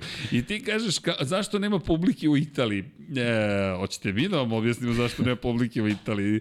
Uh, subscribeujte se na Infinity Lighthouse, pratite Lab 76 i znaćete zašto nema publike u Italiji. Zato. Aj, dobro. Dobro. Dobro. Dobro, deki, kada je reč o 24 časa Lemana, dugo, Lemanu zapravo dugujemo, ne znam, serijal, ne znam ja šta pa ne, to, to kao je. eto, nešto koliko smo pričali već otprilike Dva jedan, smo jedan pričali, posto jedan posto. rekli. ne, ništa nismo ni rekli ništa zapravo, bukvalno ništa da. nismo ni rekli, ali se mi eto, ako družimo. smo nekog zainteresovali da, da, da. pogleda, super, eto, to je. Bukvalno. To je to. Bukvalno. Pa evo, Skuderijan Usmir kaže Toyota koja se kvari u poslednjim minutama, pokreće se najtrči pogoni prelazi ciljnu liniju. Šta bi bilo da je prešta ciljnu liniju kada je vreme isteklo, ipak ne, ne je mogla doći do boksa? Ja mislim da mora, e, ima, ima da, to da, neko da, da, pravilo. Da, to je kao u reliju, da, ako ne da. možeš da se popneš na, na, kako se to zove, na ovu platformu, Onda smatra ništa. se da nisi završio reliju. Onda ništa. Sorry. da. Ali znate, prošli smo da. prvi. Ne, ne, Da, da, da, to je bilo srce Mislim Mislim da mora da dođe, da. da, da mora se vratiti, ne sme da ostane na stazi. Nisam pročito na pravilnik. Čini mi se jedne godine s jednim automobilom tako bilo, nisu uspeli da dođu do, do Park Vermeja i ništa, to je to. Eto, Skuderija, Nusmir, nadam se da smo pomogli. Daj, proverit ćemo da, da, da vidimo, to. nisam ni ja taj detalj. 24 časa Lemana, potpuno neverovatno sve to zvuči. I da odgovorimo i Marku Mostarcu, Eurosport prenosi, tako da znate. Da. Ali o, idite na zvanični sajt Lemana i uključite Radio Leman. Verujte, da. nevažno je da li razumete ili ne razumete, e, emocija prolazi prokolo prolazi da, sa, sa, sa Eurosportom samo ima, pošto je, pošto je Roland Garros, mislim to se generalno da, tako da, da. i gađa, menjaju prvi, drugi, mislim pratite komentatora, oni će vam reći u, u određenom trenutku samo kad je, kad je šta i jednostavno je u principu. Ali što se tiče Eurosporta njima je Leman jako bitan. Da, pa to je okosnica, jedna od okosnica da. zapravo automoto programe. Između ostalog, jedna od stvari koje, za, i pozdrav kolegama, svaka im čast. Dakle, poslušajte, ne znam ko će raditi ove godine. Sva trojica radi. Ali, jel rade? Da, da. Da, da, da ok. I, I verujte, imate što da čujete, imate, imate pravo društvo za 24 časa Lemana. Tako da, topla preporuka, ispratite, uživajte, vi znate da e, na neki način ja predstavljam konkurenciju. Nema konkurencije. Ljudi, ovo je ljubav prema automotosportu i Lab 76 ja predstavljam pre svega kao koncept ljubavi prema automotosportu. I iz te perspektive uvijek ćemo vam govoriti stvari koje smatramo da zaista treba ispratiti i mislim da, da, da vredi. Ako ništa drugo, spavajte, nek vam se vrti u pozadini i oni ključni momenti kada se dese, čućite. čućite dreknuće, dreknuće neko. neko. Ne, neko će već da probi, ode u crvenu, pa će realizator da kaže, pa dobro, si morao da se dereš. Pa naravno da sam morao kad sam se uzbudio. Deki, šta ti kažem, hvala kao i uvek. Hvala tebi. Da kaže, naravno, na Ferrarivom kanalu ima i da se prati cela trka sa kamerama sa kacige. Šta vam je lepota sada modernog praćenja? Sve možete da ispratite sa svih mogućih strana. Pozdrav za Tomislava Nikolić. Pozdrav za sve vas, ljudi. Šta da vam kažem, evo, 56 glasova, Ferrari pobeđuje, 46 odsto, Toyota 30, Porsche 18, 5% neko četvrti. Ja vam kažem, Cadillac pobeđuje. Cadillac, jer to niko ne očekuje. I Earl Bamber kaže na kraju, Erceg, ja sam ti... Šalim se, ne poznajemo se, ali... Uh, Scott Dixon je u ekipi, jedno, tako? Mislim tu da je Burde, je tako? Jeste, Burde da, da, da, je u drugoj ekipi, u trojici je Burde da, sa Dixonom da je Dixon, i... Da, da, da, da. da Van der Zandeom. To, to je, to je. Uh, challenge, challenge. Uh, jeste. Da. Uh, I Batona nismo spomenuli da je u NASCAR-u. E, je, uh, da, jesmo spomenuli? Da je u NASCAR-u? Da, u... Ne, nismo, nismo, druga da. trka ove godine. Da, da, da. da. Evo ga, Jenson. Jenson. Life to the limit, eto. A jeste, e, zanimljive su mu knjige i meni je zanimljivo kako on piše šta sve opisuje i kako, kako je postao Sprema se jedno sad sigurno posle ovoga. Pazi, posle sigurno, ovoga, 100%. Sigurno, sigurno. 100%. 100%. Inače... Ovo je ozbiljno iskustvo za njega. Kako nije, deki, pa cijela američka priča u sred Evrope sa Jimmyem Johnsonom, sa, sa Rockefellerom. Rockefeller koji u tom svetu, on je taj. On je, on je čo, Michael Rockefeller, ljudi, čo, čovjek u svoju, to je ozbiljan vozač. Inače, Michael Christensen takođe vozi, čisto da znate. Pa eto. Ima svega. Ima svega. Ima da. svega, mala istorija. Sad gledam još... Naspavajte se i spremite se.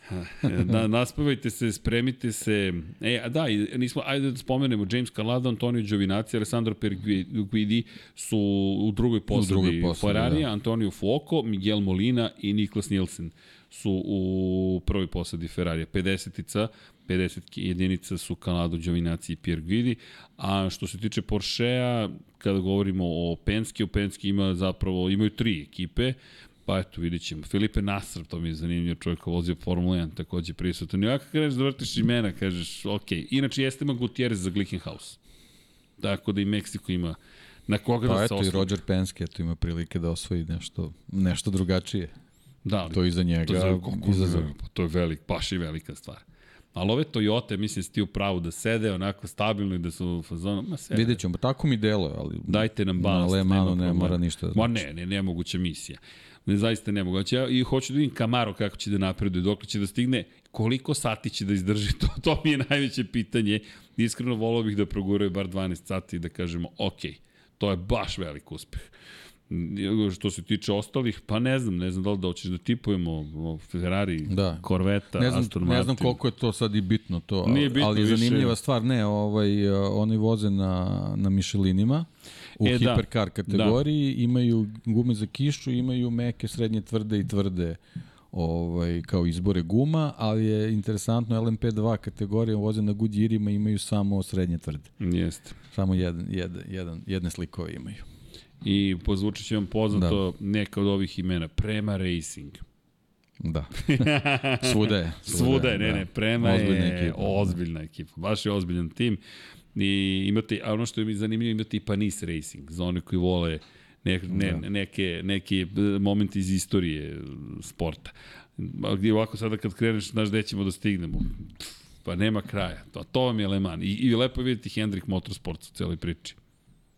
Ne znam. Baš mi je lep moment. Gledam koga sve imao. Ozbiljno. Jimmy Johnson, da. Jimmy Johnson, čekaj, pa ne, ljudi, ju danas, juče biti u Lemanu, ma to je savršenstvo tamo kod tramvaja, inače čujem po tramvajima. Ne, ali naj, najfascinantnije svega što i oni žele da budu tu. Nisu ti vozači tu samo zato što su, e? ne znam, zaradit će neki novac, ja ne znam šta, ne, oni rekao, baš žele da budu tu. Da, da, nije ti rekao, došao i rekao, moraš da budeš tu. Tako je. Želim da budem tu. Tako je. Ja želim bukvalno da budem tu. I, e, ponovit ću, ja želim da budem u Lemanu, deki, dakle moramo da se spakujemo i da odemo u Lemanu. To, to, to mora, to ne bucket list, to mora da bude ono, plan. Samo jedno pet godina napred mora da rezerviš još mesto. U koje mesto? Pa na tribini. Ja bih baš volao recimo da odim jednom da sedem na tribinu 24 sata sedim gore. Ali teško je kupiti kartu, to je problem. A ja, ja, ja vidim medija, to... meni se javlja medija centar. Pa tamo sam već bio, nije zanimljivo toliko. Ne volim da Dobro. budem tamo. Znači, na, dakle, na vezu moramo Smrzao da nabavimo klimu tribinu. su nagarili, bili na 15 stepeni. Mislim, to mi je, to mi je uspomena na, na media centar u Le Mans. Ništa, onda ćemo morati su. u, u kontejner. Kažem, imate U kontejner je super. kontejner mi se baš vidi. Malo onako nezgodno je za, za tužiranje i to sve, ali, ali spavanje u kontejneru je fenomenalno. Deki, ma ne, mi moramo se primimo kao deo ekipe. Ja, Pa imam, dobro, to, imam je, vezu. to je drugi moment. Jel imaš vezu? Imam, A, ali dobro. nije šala uopšte. E, pa, imam može, vezu. Može, Preko jednog sponzora. može. Top, to ti je završeno. E, 92. Drago mi. izdanje, 101 godina, 2024. piše već sada plan. Ok, plan i projekat. Dragi ljudi, ja se nadam da ste uživali. Mi smo se okupili kako to obično biva, ad hoc. Bilo je neki Le Mans, Le Mans. Ok, ne možeš da ne ispoštuješ Le Mans, prosto ne možeš. Pokušamo sve da stignemo, ponekad uspemo, ponekad ne uspemo, ali više uspemo nego što ne, mnogo više uspemo nego što ne uspemo. I ja se nadam da ste uživali, da smo uspeli makar da vam dočaramo šta mi osjećamo prema Le Mansu i zašto smo toliko verovatno uzbuđeni. mnogo toga nismo rekli. Ma ne, nismo se ni setili, nismo ni ljudi drugog, da, da, da nije ovo bilo priprema na nivou analiza istraživanja i sad mi smo se dva meseca pripremali za, jer dva meseca je potrebno otprilike da uradite posao kako treba. Dakle, koliko god znanja da imate, imate toliko neverovatnih stvari, sitnica, detalja, priča i potrajalo bi. Ono što je naša želja jeste bilo malo da se iščeskamo pred trku veka. Bukvalno tako je zovu i s razlogom je zovu. Samo zamislite, neko je negde staje u Lemanu pre 100 godina i rekao, ajde da se trkamo ovde. I evo, 100 godina kasnije, najveće zvezde automoto sporta su tu. Žele da budu tamo. Žele da budu tamo. Najveće zvezde automoto sporta koje nisu tamo prate šta se događa. Svako od nas će u subotu biti tu, prisutan da isprati, kao i u nedelju da vidi ko je uopšte stigao Da, do cilja i nismo- ko prvi prolazi. Sad opet. Ajmo, deki. Nismo spomenuli, pa ovaj, tradicija. Francuska Ajmo. zastava, stvar, start LeBron James, to mi samo Jo, da. nije, nije najjasnije. Da, da, da, da, da, da, da. Ali da. dobro. Pa dobro, ali vidi. Širi se publika, širi se priča. Pa znam, ali 100 godina je. To mi samo nije jasno. Koji je kriterijum, ali dobro. Imaćemo prilike pričamo o tome. Evo, evo, Marko Kozić, no one expects Bamber Inquisition. E, da, Aleksa kaže imate nevjerojatno dobar spotter guide, sajt gde možete da vidite sve automobile za lakše prepoznavanje. PDF je skinut, razmenjuje se ovde po WhatsApp grupama, spotter guide, svi ovde, po, svi pošteni ljudi imaju spotter guide za Le Mans. E, da, da, ne znam tačno gde ali da, preuzmite PDF, fenomenalan je i to jeste način na koji se, na koji se ide na trke. Spotter guide. Ko je ovaj? Da. Ko je ovaj? Noću vam baš ne pomaže. Ali... A tu gledaš da li su žuta svetla ili bela svetla, to je taj moment. Da. Aha, oblik, ček da vidim da li ću... I ono što morate takođe da ispratite, Corvette je svoje vremeno razvijela taj praktično gotovo, ne znam da li je lider sistem ili nešto slično, ali koji upozorava vozača korvete kada dolazi brže vozilo, jer zaista brzina sustizanja je tako velika da može... Pa prema ovim brzinama što su bile, znači u odnosu na maksimalnu brzinu hiperautomobila, a, LMP2 su spori 20 km na sat, a GT automobili još 20 km. Znači 40 km na sat je razlika između hiperautomobila i GTA. A da ne Tako govorimo na ubrzanjima iz Da, krivina. da, da, to je da. strašno. To je ono što si pričao kada izađu hibridi pogotovo. Ljudi, to je, to je, to je spektakularno. Kada su Ne, na ne, neki mnogo, sankama. mnogo elemenata stvarno na koje treba obratiti pažnju. Slušajte Eto, Radio Le Mans. Setili smo se nekih. Setili smo se, da. Pri čemu staza nije pretrano široka, ne pričamo mi sad o stazi koja vam pruža ne znam koliko prostora za... Po dve trake. Za, bukvalno. I to vam je to. E, imam dobar znak, danas ću da ga okačim koji sam fotnuo u Le Mans. Yes! Sad sam se setio. Sad sam se setio, imam baš jednu lepu fotografiju. Dragi ljudi, ja se nadam, kažem još jednom da ste uživali. Ko zna ča ćemo se setiti dok pokušam treći put da odjavim emisiju, ali sad niste navikli na to. Neko je napisao sad u utorak, pa je kao, ajmo, završavamo, to je bio dva i po sata otprilike, na tri sata, ajmo, završavamo na tri i po, e, posle četvrtog sata je bilo, aj sad stvarno da gasimo. I, i, I to je to. I da odgovorim gde i kada je prenos, Eurosport, dakle, da znate, jer kako ko se uključi, ja mislim da je prvo pitanje, a gde mogu da gledam? Pa vjerojatno svi gledate tenis, pa ostanite tu. tako je, tako je, tako je. Još jednom, dragi ljudi, Sad znam da ste uživali jer ste još uvek ovde. Kliknite like, share, subscribe, budite dobri jedni prema drugima. Ukoliko možeš da nam daš još Martina samo da podsjetim da je nešto lepo da pokušamo da, da uradimo. Martin Lav Nikolić, jedan momčić koji ima godinu dana, gleda Formulu 1 i Moto Grand Prix bije bitku i nadam se da možemo da mu pomognemo. 1503 na 3030 koji je u Republici Srbiji, PDV se ne naplaćuje, 200 dinara je poruka. Ili ukoliko ste u Švajcarskoj pošaljete na 455 Human 1503 dinarski račun je prikazan kao i devizni ili imate u opisu našeg videa i ja se nadam da možemo nešto malo da učinimo i da mu pomognemo kroz humanitarnu fondaciju Budi Human, Martin je drugar, mi ne poznajemo lično njegove roditelje, ali znamo tatu iz prepisivanja po društvenim mrežama i nismo očekivali da ćemo i na ovome komunicirati, ali tu smo jedni za druge, pa da damo jednaku šansu i Martinu, to je to mala molba za, za današnje druženje, da, da budemo dobri jedni po drugima i da se mazimo i pazimo. I to je poruka koja nam će uvek biti, mazite se, pazite se, vozite računa jedni drugima, budite dobri, uradite nešto lepo, šta god to bilo. Mazite i sebi i to treba, treba i u sebi da povedete računa. O, ovo je bio gospodin Dijan Potkonjak, inače čovjek koji zna tako mnogo, verujte da, da iz tvojeg znanja nismo izvukli 1%, a kamoli šta se sve dešavalo u Limanu. Godine čine svoje, ne mogu se setim sve. ne, ne, ali tačno vidim kako ti se popali, ting, čekaj, čekaj, ping, ting, ting, ting, ting, ting, ting, ting, ništa. E, za, za, najavljujem ti sada, deki, sledeće godine radimo specijal specijal, može? Evo, 12 meseci unapred. Može. Dogovoreno. Eto, to, zna, to je jedino što znam da će reći može sigurno, jer znam kolika je ljubav prema ovome. E, uživajte, ispratite trke, šta god da radite tokom vikenda, topla preporuka, nemojte zaboraviti 24 časa Lemana, kao ni na veliku nagradu Italije u Moto Grand Prix-u. Ne znam da ko vozi u Naskaru šta, ali znam da vozi garaža 56, Naskar vozilo u Lemanu. Pa će to biti zabava i sve će biti upotpunjeno.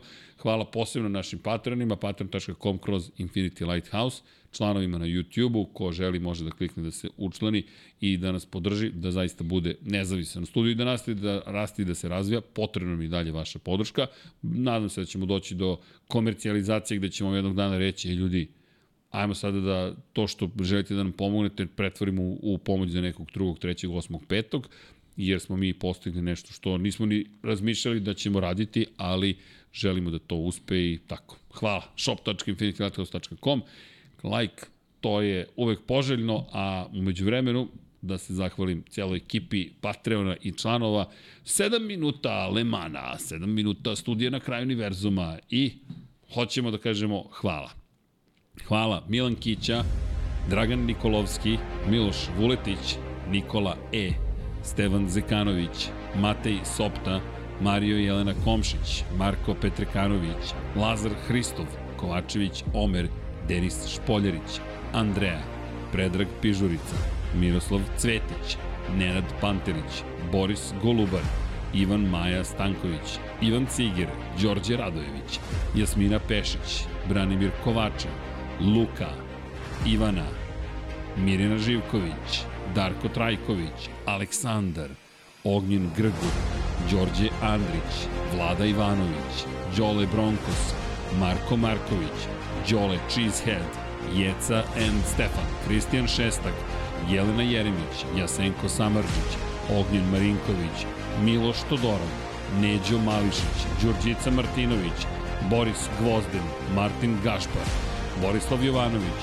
Salim Okanović, Marin Antunović, Živojin Petković, Aleksandar Mitrović, Daniel Kolobarić, Bojan Markov, Dejan Đokić, Stefan Ličina, Nikola Božinović, Marko Ćurčić, Alen Vuletić, Dušan Risnić, Ferenc Laslofi, Crnogorski džedaj, Ivan Panajotović, Boris Erceg, Sava Dugi, Zoltan Mezeji, Ivica, Anonimus Donatorus, Bojan Majstorović, Marko Blagojević, Andrija Todorović, Daniela Ilić, Stefan Radosavljević, Ivan, Stefan Dulić, Vukašin Vučenović, Emir Mešić, Stefan Janković, Vučinić Miroslav, Vladimir Stojadinov, Aleksa Vučaj, Strahinja Blagojević, Borislav Vukojević, Bata Brada, Stefan Vidić, Laslo Boroš, Anonimus Donatorus, Milan Paunović, Bahter Abdurmanov, Aleksandar Milosavljević, Aleksa Valter, Saša Ranisavljević, Matija Binoto, Dejan Vujović, Vladan Miladinović, Miloš Rašić, Marko Bogavac, Inzulin 13, Milan, Aleksa Lilić, Matija Rajić, Safet Isljami, Toni Ruščić, Srđan Sivić, Vladimir Jovanović, Novak Tomić, Branislav Kovačević, Zoran Šalamon, Andreja Branković, Stefan Prijović, Petar Relić, Vladimir Filipović, Bojan Mijatović, Aleksandar Bobić, Dragan Matić, Branimir Rijevac, Vladimir Mutić, Dimitrije Mišić, Branislav Milošević, Miloš Banduka, Armin, Vamblisapa, Katarina, Dušan Delić, Nemanja Jeremić, Marko Hork, Vanja Radulović, Marko Mostarac, Nemanja Zagorac, Jelena Mak, Bojan Bogdanović, Ljubo Đurović, Šmele, Mladen Mladenović, Danka, Milan Apro, Miloš Radosavljević, LFC, Ivan Rebac, Armin Durgut, Mladen Krstić, Vladimir Uskoković, Anonimus, Donatorus, Josip Kovačić, Mario Vidović, Nebojša Živanović, Da žena ne sazna, Ivan Milatović, Goša 46, Ivan Simeunović, Stefan Vuletić, Lazar Pejović, Ertan Prelić, Marko Kostić, Zlatko Vasić, Đole QB4, Stefan Nedeljković, Igor Gašparević, Vukašin Jekić, Mihovil Stamičar, Dorijan Kablar, Stefan Lešnjak, Žorž, Nedo Lepanović, Blufonac, Luka Manitašević, Igor Jankovski, Miloš Broćeta, Nemanja Miloradović, Aleksandar Anđelić, Zoran Majdov, Renata Neš, Aleksa Jelić, Aleksandar Banovac, Boris Kujundžić, Sean Hing, Igor Vučković, Marko Kozić, Klara Gašpar, Đerman, Ljo Đurović, Marko Radanović, Pavle Nj, Marina Mihajlović, Vladidov Dave, Branko Bisački, Optimistik Josh Allen Fan, Gloria Edson, Nikola Marinković, Luka Martinović, Predrag Simić, Milan Nešković, Tijana Vidanović, Mirina Kovačević, Kimi Rajkonen, klub štovatelja Ramona Mireza, Vuk Korać, Ivan Toškov, Stefan Milošević, Dejan Avić, Petar Nujić, Filip, Ante Primorac, Grgo Živaljić, Nedim Drljević, Branislav Marković, Jugoslav Krasnić, Branislav Dević, Monika Erceg, Aleksandar Jurić, Džigi Bao, Nikola Stojanović, Nenad Đorđević, Nemanja Labović, Žarko Milić, Jelena Veljković, Ružica Stefanović, Đorđe Đukić, Benjo, KK, Antonio Novak, Mlađan Antić, Damjan Venjanovski,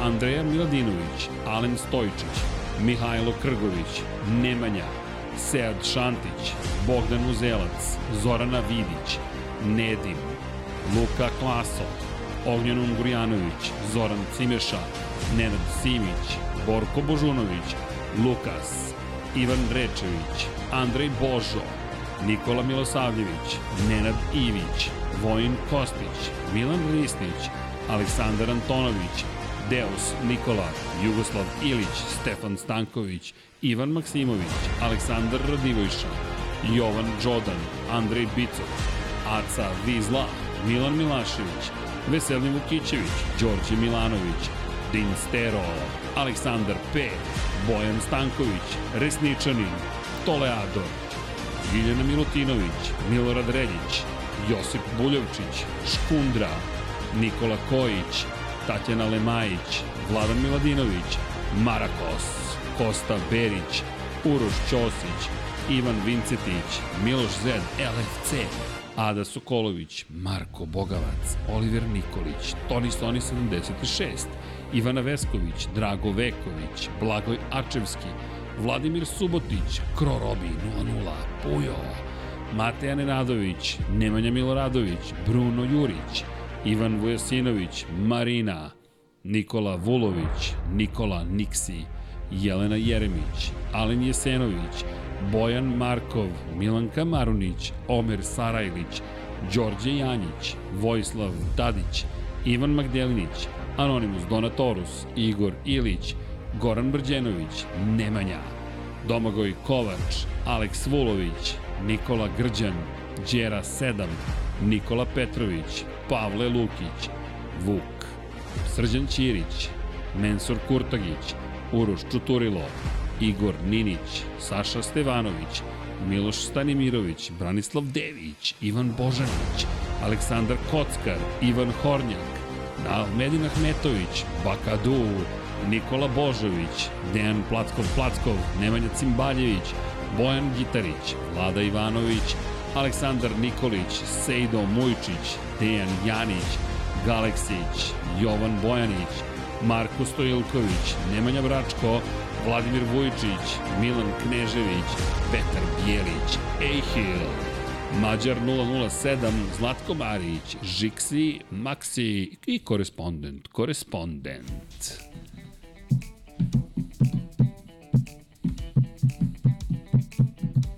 Nismo loši, nismo loši. Ovo sa bubnjevima, moramo počnemo da sviramo. Deki, šta da ti kažem? Dug, prelep, divan, prebrz vikend nas čeka. Sprint u Muđelu, velika nagrada u Muđelu. 24 časa Lemana, a tek je počeo vikend, jedva čekam. Idem da spavam sada da bih mogao da odgledam neke stvari, kamoli da ih komentarišem. Želim i tebi jedan miran ostatak večeri, nadam se da ćeš se naspavati i ljudi što da vam kažem, lepo spavajte, mazite se, pazite se, budite dobri, veseli, pozitivni i naravno gledajte Lab 76 jer tako ste brži, ali naravno u, da, u ograničenjima brzine po propisima zakona ili se trkajte negde zvanično, kao gospodin Endurance Racer, Dejan Potkonjak. Hoćemo na 1, 2, 3. 1, 2, 3. Ćao, Ćao svima! svima.